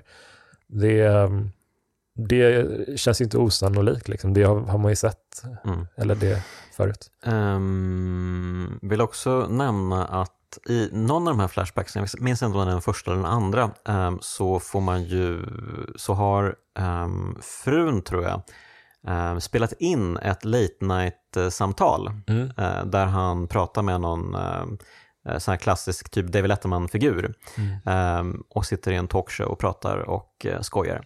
Ehm, och det är väl lite um, småputtrigt och sådär. Och det roliga är ju då att bredvid honom i soffan sitter Sam Lake. Mm. Men han, han spelar sig själv verkar det som. Jag tror, jag tror de säger att det är, ja, and, and here's Sam Lake as well. Jaha. Så det blir någon jättemärklig så här bryta fjärde väggen-grej. Men jag tycker Sam Lake, han känns lite som en sån där kreatör som gillar verkligen att synas också. Det är inte alla som Ja. gör det. Många är introverta och gillar att skapa och, och sådär. Men han verkar tycka att det är Ja, rätt jag tror kul. det. Alltså det. Det verkar i alla fall som att eh, Max Payne, att han var liksom, ansiktet där var väl lite att de var tvungna att göra så. Jo, jo, men sen kanske han bara, fan det här var lite kul. Jo, men jag tror verkligen att det är så. Jag tror verkligen att det är så. För att visst, han, han har ju fortfarande sin finska brytning och det är ju inte hans röst som spelar Alex Casey sen Mm. i tvåan, utan det är ju bara hans ansikte. Då. Det hade varit roligt om de gjorde så som Arnold, han får ju alltid ha amerikanska namn. Typ Just det, det Jack hade varit Carver kul. ja. eller sådana Ja, just namn. det. Och så pratar man den här extrema Det, det brytningen. aldrig förklaras aldrig, den här märkliga Det är brytningen. inte så dumt alltså. Det varit jättekul. Ja, faktiskt. Um, mm, ja, men det är kul att se Sam Lake, han är även med här på ett hörn. Mm. Um, men han spelar inte Alex Casey utan sig själv alltså. Hmm. Mm. Ja, men tillbaka i um, nutid tänkte jag säga. Nej, men tillbaka i um, Bright Falls då och den här uh, Dr. Hartmans klinik. För här stöter vi även på de här hårdrockarna igen. Mm. Um, de kanske bara hade permission en stund och var på det där dinern, men de är i alla fall inlagda här. Ehm, och eh, Hartman har ju då börjat övertyga, eller försökt börjat, övertyga Alan Wake om att eh, du är lite knäpp va? Ehm, allt det här är bara i ditt huvud. Eh, men Alan Wake, han har väldigt svårt att tro på det. Mm. Han är så här, nej, nej, nej, nej, försök inte med mig. Och när han då stöter på hårdrockarna så säger de ju rakt ut att eh, du, allt, han, alla, allt har hänt på riktigt, det som har hänt. Mm. Eh, it takes crazy to know crazy. Ja.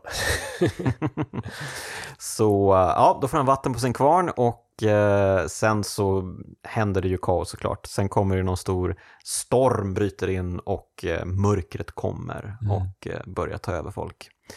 Ehm, och eh, mitt i allt det här så börjar vi också liksom få upp ögonen för, eh, för att de här hårdrockarna, de var ju med om det här på 70-talet.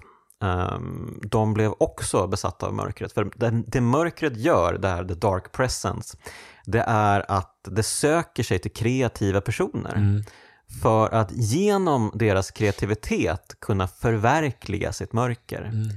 och på så sätt kanske bryta sig loss från sitt fängelse. Det är lite oklart, men det känns lite som att mörkret har, att det är liksom fast i den där sjön. Det, alltså det är så mycket parallell, återigen paralleller till Dark Half, den Mm. King-romanen, för att den handlar ju lite, premissen där om man inte har läst den, det är att, att det är en, en, eh, en snubbe som, vi följer honom som barn, Mm. eh, och som liten pojke så har han fruktansvärda huvudvärkproblem liksom. Det är Mm. verkligen kraftig migrän och jättejobbigt, så han, Mm. han söker hjälp för det.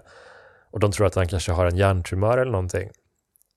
Men då visar det sig att när de öppnar kraniet på honom under operation att han har, det, det är en tvilling som har påbörjat, alltså det finns liksom spår av något öga och någon, liksom, någon tand och sådär i hjärnan för att det är, ja, det är en tvilling som han absorberade i livmodern när han föddes typ. Och eh, det är tydligen någonting, alltså inte exakt så, som det sker i den boken, men det, det för, kan förekomma tydligen, har jag förstått det som. Alltså du, du, det finns ju en film som kom för inte så länge sedan Mm. som handlar om just detta. Ja, Du ja. kanske vet vilken jag menar? Eh, ja, just det. Jag kommer inte på vad den heter nu, heter den typ Maleficent? Ja, Ja. jag tyckte den var ganska cool alltså. Ja, det, alltså vilken jävla, det var ju, nu blir det spoiler här då, Ja. men ehm, den, den kan man se faktiskt. Det är ju ganska, det är B-filmsaktigt Ja, verkligen, definitivt. det får man säga. Men den, ehm, när de avslöjar den stora grejen med filmen, alltså shit, alltså, det var ju så Mm. Häftigt. så så bra faktiskt. Men eh, så att eh, de här bikerserna då, de gjorde ju hårdrocksplattor på 70-talet Ja. och ehm, ja, det finns ju såklart eller ja, mörker i hårdrock vet jag inte om man, man ska sk- säga att det är, men Mm. det finns väl ändå att man försöker plocka fram sina frustrationer mycket och Mm. eh, man skriker och dönar och rockar och det är Mm. mycket, mycket känslor är det ju helt klart. Så det kanske lämpade sig bra för mörkret. Mm. Eh, Men de lyckades väl slita sig loss från det där tror jag, men de blev väl också lite halvtokiga av hela upplevelsen, så det är därför de har hamnat här på eh, dårhuset. Eh, Men det fanns även en annan författare förr i tiden, som hette Thomas Zane, Mm. som också hade en fru. Eller, ja, jag vet inte om det var hans fru, men det var i alla fall hans älskade, Mm. som också förolyckades i mörkret. Och mörkret ville att Thomas Zane skulle skriva berättelser. Just det. Eh, Men Thomas Zane insåg till slut då att eh, det enda han kunde göra var att försöka stoppa mörkret genom att eh, ja, men i princip döda sin fru i mörkret. Så att det är en mycket, mycket mörk historia det här. Mm. Eh, Och det verkar ju lite som att Thomas Zane har blivit kvar i mörkret också. Mm. För han dyker ju upp ibland i jättemärkliga eh, visioner, syner, där han är liksom klädd i dykardräkt. Ja, just och det. ljuset strålar ut från hans eh, as, typ astronauthjälm nästan. Ja.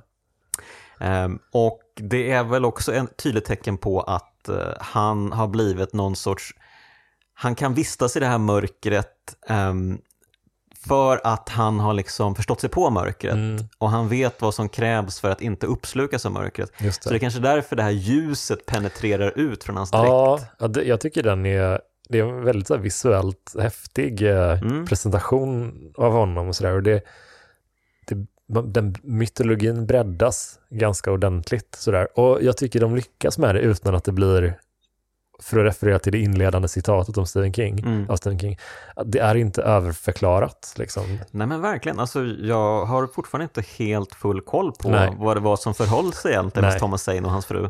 Ehm, för som sagt, eh, man, man behöver ju inte kunna hitta alla manussidor för de finns ju utspridda lite på banorna Mm. och det är inte helt säkert att man plockar upp alla heller. Så Nej. att man kanske får eh, hela eh, bilden av historien. Men det är inte heller säkert att eh, Alan Wake har skrivit ut hela historien för att han verkar ju inte känna till den här Thomas Zane. Eller är det han som har skrivit Thomas Zane? Eller är det Thomas Zane som har skrivit eh, Alan Wake? Mm. Ja, Så ja. det blir en sån rundgång som man bara, hjälp, vad är det som pågår här egentligen? Ja, det är så nice. Alltså, jag, för det där, precis som du säger, man, man måste inte leta upp alla sidor, men alltså, Mm. det är ganska kul att hålla ögat uppe efter dem Mm. och försöka lägga pusslet för att mytologin, alltså de- den, ja, men den, den är så himla välskriven tycker Mm. jag. Jag tycker att det finns mycket, det känns som att de har tänkt på typ allting och försökt att få det att hänga ihop och kännas, samtidigt som det känns desorienterande Mm, på något mm. sätt. Ehm, väl, att, väl värt att poängtera är ju att när man flyr från det här uh, dårhuset och eh, mörkret så får man ju springa igenom en The Shining-labyrint. Ja. och jag tror faktiskt att han även kommenterade. Ja. ja, men det här känns ju som något från en Stephen King-roman. Ja, eller? det måste, alltså ibland så måste han ju göra. det är ju väldigt så här tydligt ibland, men, ja, men det, jag tycker det är ganska kul. Alltså det, det känns ju inte heller som att Stephen King vad jag vet har blivit irriterad på det. Liksom, för att det... Alltså jag har inte hört någonting Nej. av Stephen King. Jag vet inte om han ens har... han måste ju känna till spelet. Ja, men... det tror jag. Jag tror han tycker det är ganska kul. Det känns inte som att... Han mm. tror, jag tror han ser det för den hyllning det är. Liksom. Det är klart mm. att på sina ställen så känns det ju lite som att det är stulet nästan, vissa grejer. Alltså, mm. Men det är också från tillräckligt många olika ställen så det inte ska kännas som ett plagiat. Mm. Eller så. Det, det är ett patchwork av rätt många olika spännande referenser. Men det märks ju verkligen att i alla fall Sam Lake och andra författare kanske, jag vet inte hur många det är som har skrivit uh, i spelet, men det, de har ju verkligen gjort sin läxa. Mm. De ju, det känns som att de har läst mycket Stephen King. Ja, verkligen. verkligen. Det, det är ganska, de har plockat intressanta, eller de har valt intressanta referenser också tycker jag. Mm. Det är ganska kul, olika, olika typer av uh, Tittar man på de kanske två tydligaste referenserna som jag upplever uh, utöver Bag of Bones uh, så tänker jag att det är Shining och Misery som är sådär mm. handlar om skrivande, om mm. att uh, om hur ens kreativitet spinner ur, utanför ens egen kontroll och sådär. Mm. Det är ju två berättelser om, om missbruk på olika sätt, typ. Mm. Så jag tycker det är ganska intressant. Det det blir en häftig metafor för någonting som ett problem som rätt många människor handskas med eller har någon relation till, mm. känner någon som man kämpar med. Så det, är, det är ju rätt, en rätt universell historia, även om den är väldigt abstrakt och flummig på ett sätt. Mm, mm. Eh, det är härligt också tycker jag att uh, det är mycket, det går ju uh, dagar, liksom. på dagen så är ofta allt lugnt för det mm. finns ju oftast inget mörker. Så han var ju inne i liksom dinerns eh, toalettutrymme där det var mörkt och då kunde den här, liksom, för kvinnan han träffade på där, det var mörkrets manifestation av mm. Thomas Sains eh, fru som jag inte kommer på. Jo, hon hette Barbara Schecker tror jag. Mm. Um, och eh, ja, så att eh, hon, hon, har blivit liksom mörkrets manifestation då. Um, och dyker upp lite då och då och uh, hotar Alan Wake att skriva klart historien mm. um, så att mörkret kan ta sig ut och Men alltså, fly. det är ju så, vet, kom det här 2010 spelet? Eller Något i den stilen, jag är lite osäker nu. Mm. För, för det, jag tycker det är, oavsett så är det ett otroligt eh, sofistikerat spel i att det kan vara, mm. ha en sån himla intressant historia att berätta. Det är klart mm. man kan man kan fastna för vissa detaljer som att ah, det är lite Twin Peaks eller det är mm. lite Stephen Kingigt, men det är ju också eh, någonstans om, om en person som håller på att tappa kontrollen över sitt eget psyke liksom, mm. och inte känner igen sig i sig själv och mm. har problem med att, eller liksom missbruk och, och ångest och sådana grejer. Mm. Det är ju jätte jätteintressant. Hur, hur kan man göra ett tv-spel där det är liksom någon sorts emotionell kärna? Jag är jätte, jätteimponerad faktiskt av. Mm, mm. Ja men verkligen och eh, historien eh, den blir lite mer actionbetonad kanske mot slutet mm. för då ska de ju först igenom staden, eh, det är massvis med fiender att avverka. Ja. Sheriffen är hakat på så det är både Barry och sheriffen, Alan han räddar Barry förut då. Eh, i stugan. Ehm, så att de eh, flyr genom staden tillsammans, de rekvirerar en helikopter, flyger ja. iväg, det blir värsta Arnold-filmen helt plötsligt. Ja. Um, och eh, sen så till slut så de, de ska ju bege sig iväg till kraftverket, stans stora kraftverk mm. då. För där finns, ja det här är ju verkligen en plankning, men det finns ju då en variant på The Log Lady också. Det, um, ja. Från Twin Peaks då. Som ja, men hon är besatt av, av ljus då och eh, hon var ju en av jag tror att hon var ihop med Thomas Zane, mm. men att de gjorde slut för att han skulle bli ihop med den här Barbara Checker istället. Um, så hon älskar väl fortfarande Thomas Zane tror jag och mm. pratar mycket om honom. Och man ska ta sig fram till hennes högkvarter i det här kraftverket. Uh, för det är liksom, hon känner ju till allt om det här mörkret och uh, det är här hon kan vara trygg, för här är ju liksom allting upplyst hela tiden. Mm. Eh, så hon har till och med skapat ett speciellt rum här som hon kallar för The Light Room eller något i den stilen. Eh, där det är liksom helt omöjligt för mörker att ta sig in. Det finns Mm. inga eh, mörka ytor, inga skuggor i rummet. Så att allting är fullständigt, hundraprocentigt upplyst.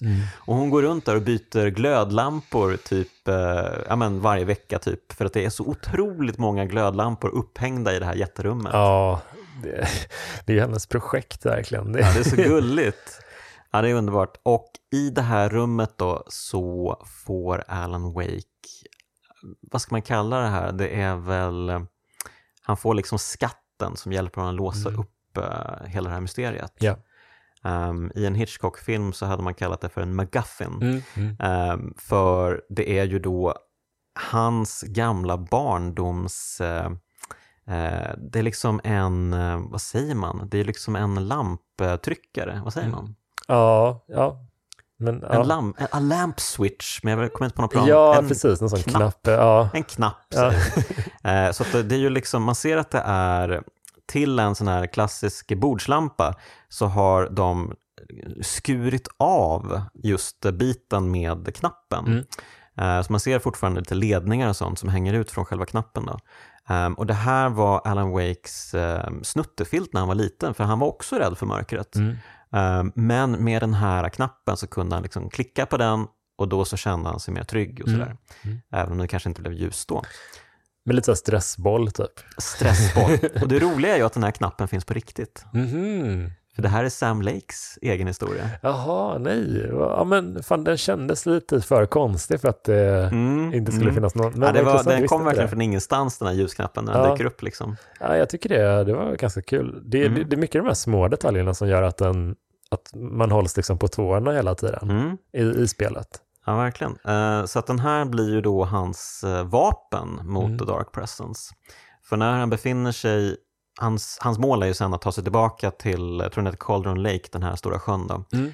Och eh, helt enkelt kasta sig ner i, i djupet, i mörkret eh, och träffa på den här eh, manifestationen av Barbara Checkers. För Thomas Zane har ju då skrivit om att när han dödade henne så han gröpte ur ett stort hål i hennes eh, mage. Ja. Det var verkligen brutalt liksom. Mm. Så att när hon står där så har hon fortfarande hålet kvar. Hon är Mm. ju liksom klädd i begravnings... Eh, alltså så, hon är, sörjer ju. ja. Hon är sörjande. Ehm, och eh, då kan ju då bara Alan Wake sticka in sin hand i hålet med knappen, klicka på knappen så att ljuset bara sprutar Ja. ut genom Mm. Barbara Checker och The Dark Presence. Mm. Ehm, men det, in, det är ju inte slutet Mm. för Alan Wakes eh, elände. Mm. Ehm, för nu kan han sätta sig vid skrivmaskinen igen, Mm. fortsätta skriva på manuset. Men han har också insett att han inte kan skriva ett helt igenom lyckligt slut. Nej. För det vore oärligt. Ja. så Ja. istället så räddar han Alice, frun då. Hon, får, hon kommer upp ur mörkret, upp ur sjön och på stranden och förstår inte vad som har hänt och ja, lyckas ta sig därifrån. Medan Alan Wake blir kvar i mörkret Mm. vid skrivmaskinen Mm. skrivandes. Och det sista han säger är It's not a lake, it's an ocean. Ja, det är så jävla snyggt. Ja, det är faktiskt briljant. Jag tycker det är otroligt, otroligt välskrivet. Och Mm. hur, hur han liksom vänder det här vapnet som den, den mörka, the dark presence, har skapat liksom mot Mm. eh, mörkret självt. Mm, mm. Det är ju så himla snyggt verkligen. Och, och den här, den här självuppoffringen är också Mm. väldigt vacker faktiskt. Det, det är på något sätt en botgöring hur han har varit tidigare. Liksom. Men verkligen, du har helt rätt där, det tänkte jag inte på. Men han har ju verkligen varit en douchebag eh, mycket och han har ju Alltså frun har väl varit nära att göra slut med honom, begära skilsmässa, det känns Mm. lite så. Ja. ehm, mellan raderna och att det här, liksom, den här semestern skulle vara sista försöket Mm. eh, att rädda allting, äktenskapet och hela... Har du sett den eh, senaste Insidious-filmen, den Red Door? Nej. Den är, jag tror jag läste att den är lite blandad i hur folk, vad folk tycker om den. och så, Men jag tyckte den hade en, ganska intressant eh, aspekt. Och den, det är tydligen han Patrick Wilson som spelar en av huvudrollerna. Mhm. Mm. Han har också regisserat den här och eh, den, den trycker ganska mycket på för grejen är liksom att den, den första filmen handlar om en, en pojke som eh, typ blir besatt av någon demon eller någonting och hamnar i en alternativ eh, parallell dimension kan man säga, en mörk demondimension. Och pappan räddar pojken därifrån. Mm. Men det här är så traumatiskt för dem så att de går i någon typ av hypnos eller sådär, där de ska trycka bort det här minnet, liksom att de har varit här, för att de kan liksom inte leva som vanligt om de har det här, Ah. den här erfarenheten. Så de gör det och åren går, åren går. Så den här nya filmen utspelar sig typ tio år senare och Mm. pojken ska gå på, börja på college och, och pappan är liksom lite sådär, ja men lite off typ. Så man märker att den, den skildrar det här att man trycker undan ett trauma så himla bra, Mm. tycker jag. Ja, verkligen, det tycker jag finns jättemycket tendenser av i Alan Wake Mm. också. Att den är så känslomässigt komplex, verkligen. Mm. Jag Mm. är fortfarande jätteimpad över, den- över hur den... Det är klart att det är ett spel som har en del brister, men Mm. jag tycker inte att de är tillräckligt betydande för att det ska sänka spelet speciellt mycket. Nej, jag skulle vilja säga att det kanske inte är jättekul att spela då. Eh, Nej. För det blir ju lite enahanda då. Ja. Det Mm. är ju ett spel som, det här låter så jävla dissigt, men det är ju ett spel som man absolut eh, kan kolla på en playthrough av Mm. och ändå få ut en del av, skulle jag säga. Mm, absolut, ja, men det, är ju, det är ju spännande verkligen. Om man bara vill tillgodogöra sig historien, typ. Mm. där är ju kanske till exempel eh, Uncharted-spelen bättre på att liksom berätta en, ja, men en, en bred historia och samtidigt att gameplay som funkar. Liksom. Mm, det är inte mm. helt, men du det det är ändå lite bättre typ, tycker Mm. jag kanske. Men Mm. nej, jag var verkligen, eh, det var riktigt kul att spela om det här spelet för att Mm. Särskilt när jag startade upp Stephen King på den för ett år sedan ungefär och har Mm. läst väldigt mycket det här senaste året. Så att det var lättare att plocka upp alla de här små blinkningarna och sådär. Och. Ja men vad kul, det, Det var, ju var- lite därför du eh, Ja, fick komma hit du- och berätta. Men du, eh, det är också roligt tycker jag att eh, spelet avslutas med att eftertexterna kommer och Major Tom börjar spelas, Mm. David Bowie-låten. mm, Och jag undrar ju lite, för det är ju en film om rym eller det är ju en låt om rymden. Mm, mm. Ehm, och jag undrar om det har någonting att göra med Thomas Zane, att det här ja. han är, han är ju klädd i dykardräkt men det påminner om en astronautdräkt. Mm. Det kanske finns någon konnotation där. ja, verkligen alltså. Ehm, Men jag tycker det finns paralleller mellan liksom det här, de här ändlösa havsdjupen och Mm. eh, rymd... eh, verkligen. Ja, men som den här filmen Gravity med Sandra Bullock och, Mm. och Clooney, typ, när han försvinner iväg i, i rymden där. Just det. Det är ju som att svepas med vågorna typ. Det är ju Mm. otroligt obehagligt. Mm, mm, ja, verkligen. Mm. Mörkret. Ja, ja, men Mm. verkligen, verkligen. Fast ett, ett mörker som verkligen vi har dessvärre tillgång till. det är hemskt verkligen. Ja, usch ja. Mm, ja, men precis. Eh, Jag, jag, som sagt, frun tycker jag är lite tråkig ehm, och jag gillar inte hennes eh, karaktärsmodell heller. Nej, Jag har väldigt svårt för den. Ehm, ja, men hur, hur hon ser ut. jag tycker hon ser lite botoxad ut. Ja, lite faktiskt. De har inte lagt ner lika mycket tid på henne som kanske är på Mm. uh, Alan. Hon är inte med så mycket i spelet ska vi säga. Nej. Så det är kanske därför, men eh, Ja, lite... men det, du, jag kan se vad du, vad du menar tror jag. Alltså, det, den är inte så... eh, Mm, man märker jag, jag kollade upp eh, hennes röstskådespelare, hon var ju hon var jättesöt. Eh, Hon såg inte alls ut som eh, Mm. karaktären här i Mm. spelet. Ehm, så att eh, det är ju verkligen, uh, de har ju verkligen eh, gjort henne så här. Ja, men det är ett beslut man har tagit bara. Det är beslut man har tagit att, ja men är hon en jetset-lirare då har hon botoxat sig liksom. ja, ja, ja, men vad fan. Ja, det kanske Jag vet inte, Men, men, ja, det var märkligt bara. Nej men alltså, däremot tycker jag att det var väldigt snyggt att se hur, um, hur de har uppdaterat spelet nu till, med remastern, typ, för att det, det ser ju väldigt bra ut tycker jag. Det är Mm. väldigt, eh, Mm, jag håller med. de det det, jag tänkte lite på det också när Metroid Prime remastern kom, att Mm. det är ett så det är ett sånt avgränsat spel egentligen. Det, det känns ju öppet för det finns så många olika typer av världar. Mm. Men det är ganska smala gångar ofta och sådär. Så det, det är nog, om man ska göra ett grafiskt imponerande spel med Mm. lite begränsningar Mm. så är det ganska, det underlättar det säkert.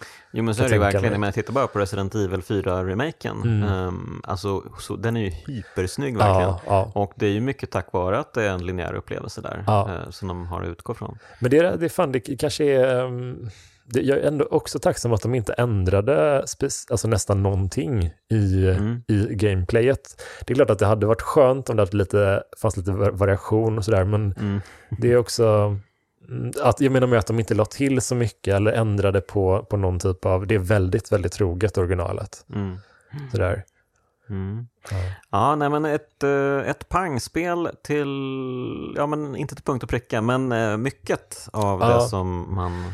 Också att de spänner bågen Mm. tycker jag verkligen. Man, man måste återigen göra en cred Mm. för Remedy för att det är så otroligt imponerande att våga Mm. ehm, att våga göra någonting så här konstigt och samtidigt Mm. och, och lyckas göra det allmängiltigt. Liksom. Det jag, jag är väldigt imponerad av deras filosofi. Ja, och eh, precis som Stephen King försöker knyta ihop sina historier. För han kommer ju, återkommer ju ofta till Derry och Mm. till andra platser i, Mm. i Maine antar jag. Mm. Ehm, så det är ju intressant. Verkligen, verkligen. Mm. Men du, Alan Wake 2 då, ska vi eh, Ja. prata lite om det? Kan inte du berätta vad du vet om det? För jag, jag vet så lite tyvärr. Eh, Ja, men jag, jag vet inte, men jag vet så himla mycket mer egentligen än det jag redan sagt. Men det är ju, det är ju två olika karaktärer som man spelar som. Eh, Du spelar ju som Alan Wake, men du spelar ju också som en FBI-agent. Jag tror att hon var med i en av expansionerna till Control. Ehm, Jag kommer inte ihåg vad hon heter nu, men ehm, hon ska väl vara i den mer verkliga varianten av världen. mm. Och då är hennes partner den här Alex Casey, alltså den verkliga varianten av Alex Casey. Ah, coolt. Ehm, men båda spelas av Sam Lake, men då är han liksom mera eh, normal, liksom bara en vanlig FBI-agent. Det är så roligt att han är med exakt i alla instanser, Ja. liksom hela spelets process. Det är jättekul. Ja. Ehm, och sen så äh, finns då Alan Wakes värld, men den är ju då mer skev och konstig såklart, Mm. för då är ju Dark Presence antagligen som styr och ställer över saker och ting. Ehm, och Alex Casey manifesteras där på något sätt, men i en mer Max Payne-artad eh, version. Då. Ah, fan vad coolt. Ehm, så att han är lite mer gritty och eh, han kommer väl köra sin härliga grimas får vi hoppas. Men alltså, vad roligt att de på något sätt knyter ihop sina tre stora liksom, titlar på de senaste åren. Liksom, att de bara Mm. har, att de ändå lyckas på något jävla vänster. Och, Ja. Eller det, vi kan hoppas att de lyckas, det vet Ja, jag vi inte. hoppas det. Men jag, jag ser ju verkligen fram emot spelet. Mm. Ehm, just för att det är survival horror som är en genre som jag älskar. Ja, Och ehm, kan man skapa liksom, för att det, blir ju mycket bättre myskänsla i survival horror. Man kan ju Mm. ta det mycket långsammare. Gud, ja. Man, man kan ju bli väldigt stressad i första Alan Wake. Eh, man springer till nästa ljuskälla, jagad av alla monster och Ja. sådär. Och eh, ja, det, det, visst, absolut, det är ju läskigt i sig, men jag vet inte om jag är ute efter just den skräcken heller Nej. ett spel. Men hur tror du, vet, vet du någonting om typ stridssystemet? Sådär? Vet, eller vet man? Jag vet inte så mycket om det, men det kommer väl vara liksom skjuta med pistol på saker och så, Mm. eh, men att det kommer vara liksom mera långsammare, väldigt mycket mindre fiender Mm. Ehm, och mycket mer utforska världen och sådär. Gud, det är ju ett, alltså jag kommer ju spela det på dagen alltså när det kommer, det är så taggad på det. Ja, vi spelar ju in det här, vad kan det vara för datum idag? Den 15 oktober, det kommer väl om en vecka typ va? Ja, vad pinsamt om det är asdåligt och vi suttit och bara taggat upp oss. mycket jobbigt. Det visar sig att recensionerna, Helt Metascore. Critic ligger på typ 60 någonting, bara åh nej. Det är helt missbedömt förhandsmaterial. Ja, liksom, Okej. Genant. Har du haft en sån gång, någon gång som, som speljournalist att du har förhandstippat någonting som sen har visat sig bara fuck det där var inte... Oj, det är en bra fråga faktiskt. Eller om du har en Ehm, recension som du bara... Ja, men Det det, kan ju, det, det kan definitivt hända att man har hypat något som man sen bara kommer tillbaka till typ en månad senare och Ja. känner att aj satan, Ja. vad, vad, vad gjorde jag där? Ja. Det här var ju pinsamt. Ehm, för jag vet att vi gav ju till exempel uppföljaren till Perfect Dark, Perfect Dark Zero. Ja, just det. Eh, den gav ju vi 9 av 10 i Superplay. Ja, det... och det... det är den inte värd kan jag säga. Ja, jag fattar. Ehm, det var väl lite, jag var ju ganska ny då ska väl sägas, det här var precis mitt första år tror jag på Superplay. Men eh, det var också så här att eh, vi hade spelat eh, mycket tillsammans, jag hade kanske inte spelat spelet eh, ensam så mycket, Mm. vilket man kanske också hade behövt göra eh, för att faktiskt förstå att det kanske inte alls var lika briljant som ehm, ja, första Perfect Dark. Men Så- att spela ett spel tillsammans, det kan verkligen dopa ett spel så mycket, upplever jag. Jag och mina kompisar, vi spelade det här 1080 Avalanche, snowboardspelet i GameCube, alltså Ja. till sönder, små bitar spelade vi det. Mm, Och det var, det var så jävla roligt verkligen. Alltså vi hade kul när vi spelade, men om jag plockar upp det nu, mm, mm. alltså, det är ju mycket den här goa stämningen och Mm. ett spel som har den sidan, det är ju också ett, ett jättebra spel på sitt sätt. Liksom. Men, Mm. men eh, ja, jag förstår vad, vad du menar. Yes. jag, jag, jag, I min blogg så skrev jag om Man of Steel, den eh, Stålmannen-filmen, och tror jag skrev en förbehållslös hyllning till den. Mm. Och det är inte heller någonting jag känner jag kan stå för idag riktigt kanske. Ja, nej, du, jag har inte riktigt fått intrycket att Man of Steel är ett mästerverk. Nej, nej, men ibland så blir man så eh, medryckt bara Mm, av mm. någonting. Eh, Ja men absolut. Jag har ju recenserat många Zelda-spel i mina dagar och eh, Mm. jag har nästan gett alla toppbetyg och eh, det är också någonting som jag skäms lite över så här i efterhand. Att De är jag, ju bra, jag men- borde varit mer kritisk. Mm. Ehm, framför allt kanske till eh, Skyward Sword. ehm, Ja, just det. Mm. Som jag gav lite för högt betyg Men, men till, eh, till Wii då va? Ja, precis. Jag spelade den, det nysläppet till, till Switch ganska nyligen. Det, jag tyckte Mm. det var, jag hade inte spelat när det släpptes faktiskt, för att det var liksom i, i glappet. Jag, jag sålde min, eh, min Wii precis när den här eh, Motion Plus-tillbehöret kom. Mm.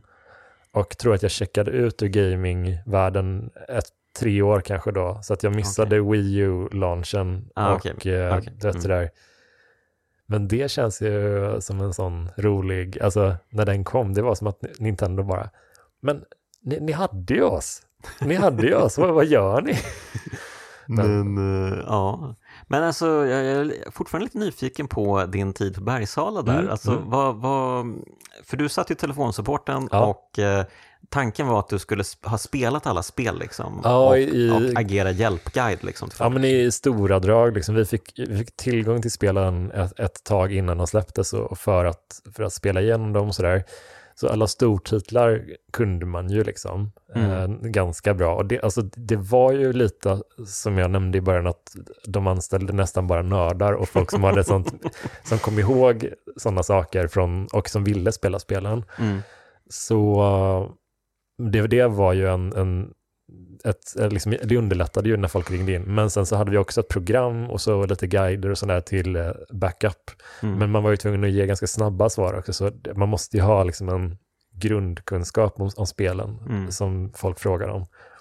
Ja, Men det, det är ganska speciellt. Det var, Apropå Zelda förresten, jag Mm. vet att du skrev om det i café-artikeln där, mm. men eh, det var väl någon, någon busade med dig, eh, med Wind Waker? Ja, exakt. Det var min, min chef typ som eh, eh, Micke då. Han, han vill, han, jag tror han, han visste hur spoilerkänslig jag var liksom. Mm. Så han ringde in alltså typ en eller två dagar efter att spelet hade släppts. Och jag hade inte, för en gång skulle inte hunnit spela igenom det. Mm. och ville verkligen inte bli spoilad. Och då ringer Micke in med förställd röst så här och bara Ja, jag är på sista bossen i Zelda. Och jag undrar hur, och jag bara, då fejkade jag att jag fick ett tekniskt problem och avbröt samtalet. Jag fick sån panik och, och sen så kom han in från andra kon- sidan kontoret och bara gapskrattade liksom, och sa liksom att du får för fan inte göra. Nej, det där är viktigt. Fy. Det är Men viktigt. eh, Mm. det var väldigt, väldigt så fin, eh, fin tid liksom. Mm. Mm. En väldigt, eh, en väldigt bra, bra arbetsplats skulle jag säga, inte alls något så här, inga, inga, det, sen supporten la ju, la ju ner liksom eh, PGA internet liksom, så Just att, det, jag ja. var med, precis som du var med sista Superplay-perioden så var jag med sista supportperioden typ, och det, det Ja. är något speciellt att eh, det är lite melankoliskt att Mm. att vara med om det, men det är också något fint på Mm. något sätt. Och, och säga, säga farväl till den, den eran lite. Mm. Ja, men eh, det kanske blivit dags att säga farväl här också. Du kanske bara kan försöka sammanfatta varför du tycker att Alan Wake är ett kraftspel? Jag tycker att det är faktiskt revolutionerande i sitt berättande och vilka Mm. ämnen det, det vågar ta upp och hur, hur det lyckas, liksom, inte perfekt, men det lyckas betydligt, betydligt bättre än vad man kan förvänta sig att det ska göra. Mm. Och det, är- det är ett spel som jag kommer ihåg många scener av som, och känner mig liksom lite illa berörd när jag har spelat. och det, är- det är ändå så här, ska det ha, tycker jag. Mm. Okej, vad härligt. Um, jag ska också säga att eh, jag, innan vi, innan jag bestämde mig för att eh, prata med dig om Alan Wake så hade jag faktiskt kollat upp eh, Stephen King och sett att eh, det, det släpptes något spel eh, på 90-talet, alltså baserat på Stephen King-bok. Mm. Eh, Känner du till det här? Jag fräschar upp mitt minne lite. Jag tror att det handlar om The Dark Half, men jag är Ja. lite osäker nu. Ja, just det. Det att just var det. ett så här klassiskt äventyrsspel. Ja. Eh, peka och klicka liksom. Just det. Och det. Av alla hans böcker man kan... alla hans böcker. Och det ska vara ganska dåligt har jag hört. Ehm, så det kanske kan vara ett spel för crap-spelaren en vacker dag. Kanske du får komma tillbaka och prata om det. Det, det, alltså vilken crossover ändå. Det hade varit nice alltså.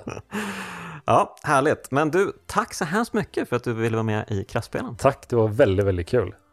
Och tack till alla som lyssnat, alla som är Patreons och de finfina pojkarna i Bitpopbandet 047 för att ni gör musiken till Kraftspelen. Hörni, vi hörs igen nästa vecka.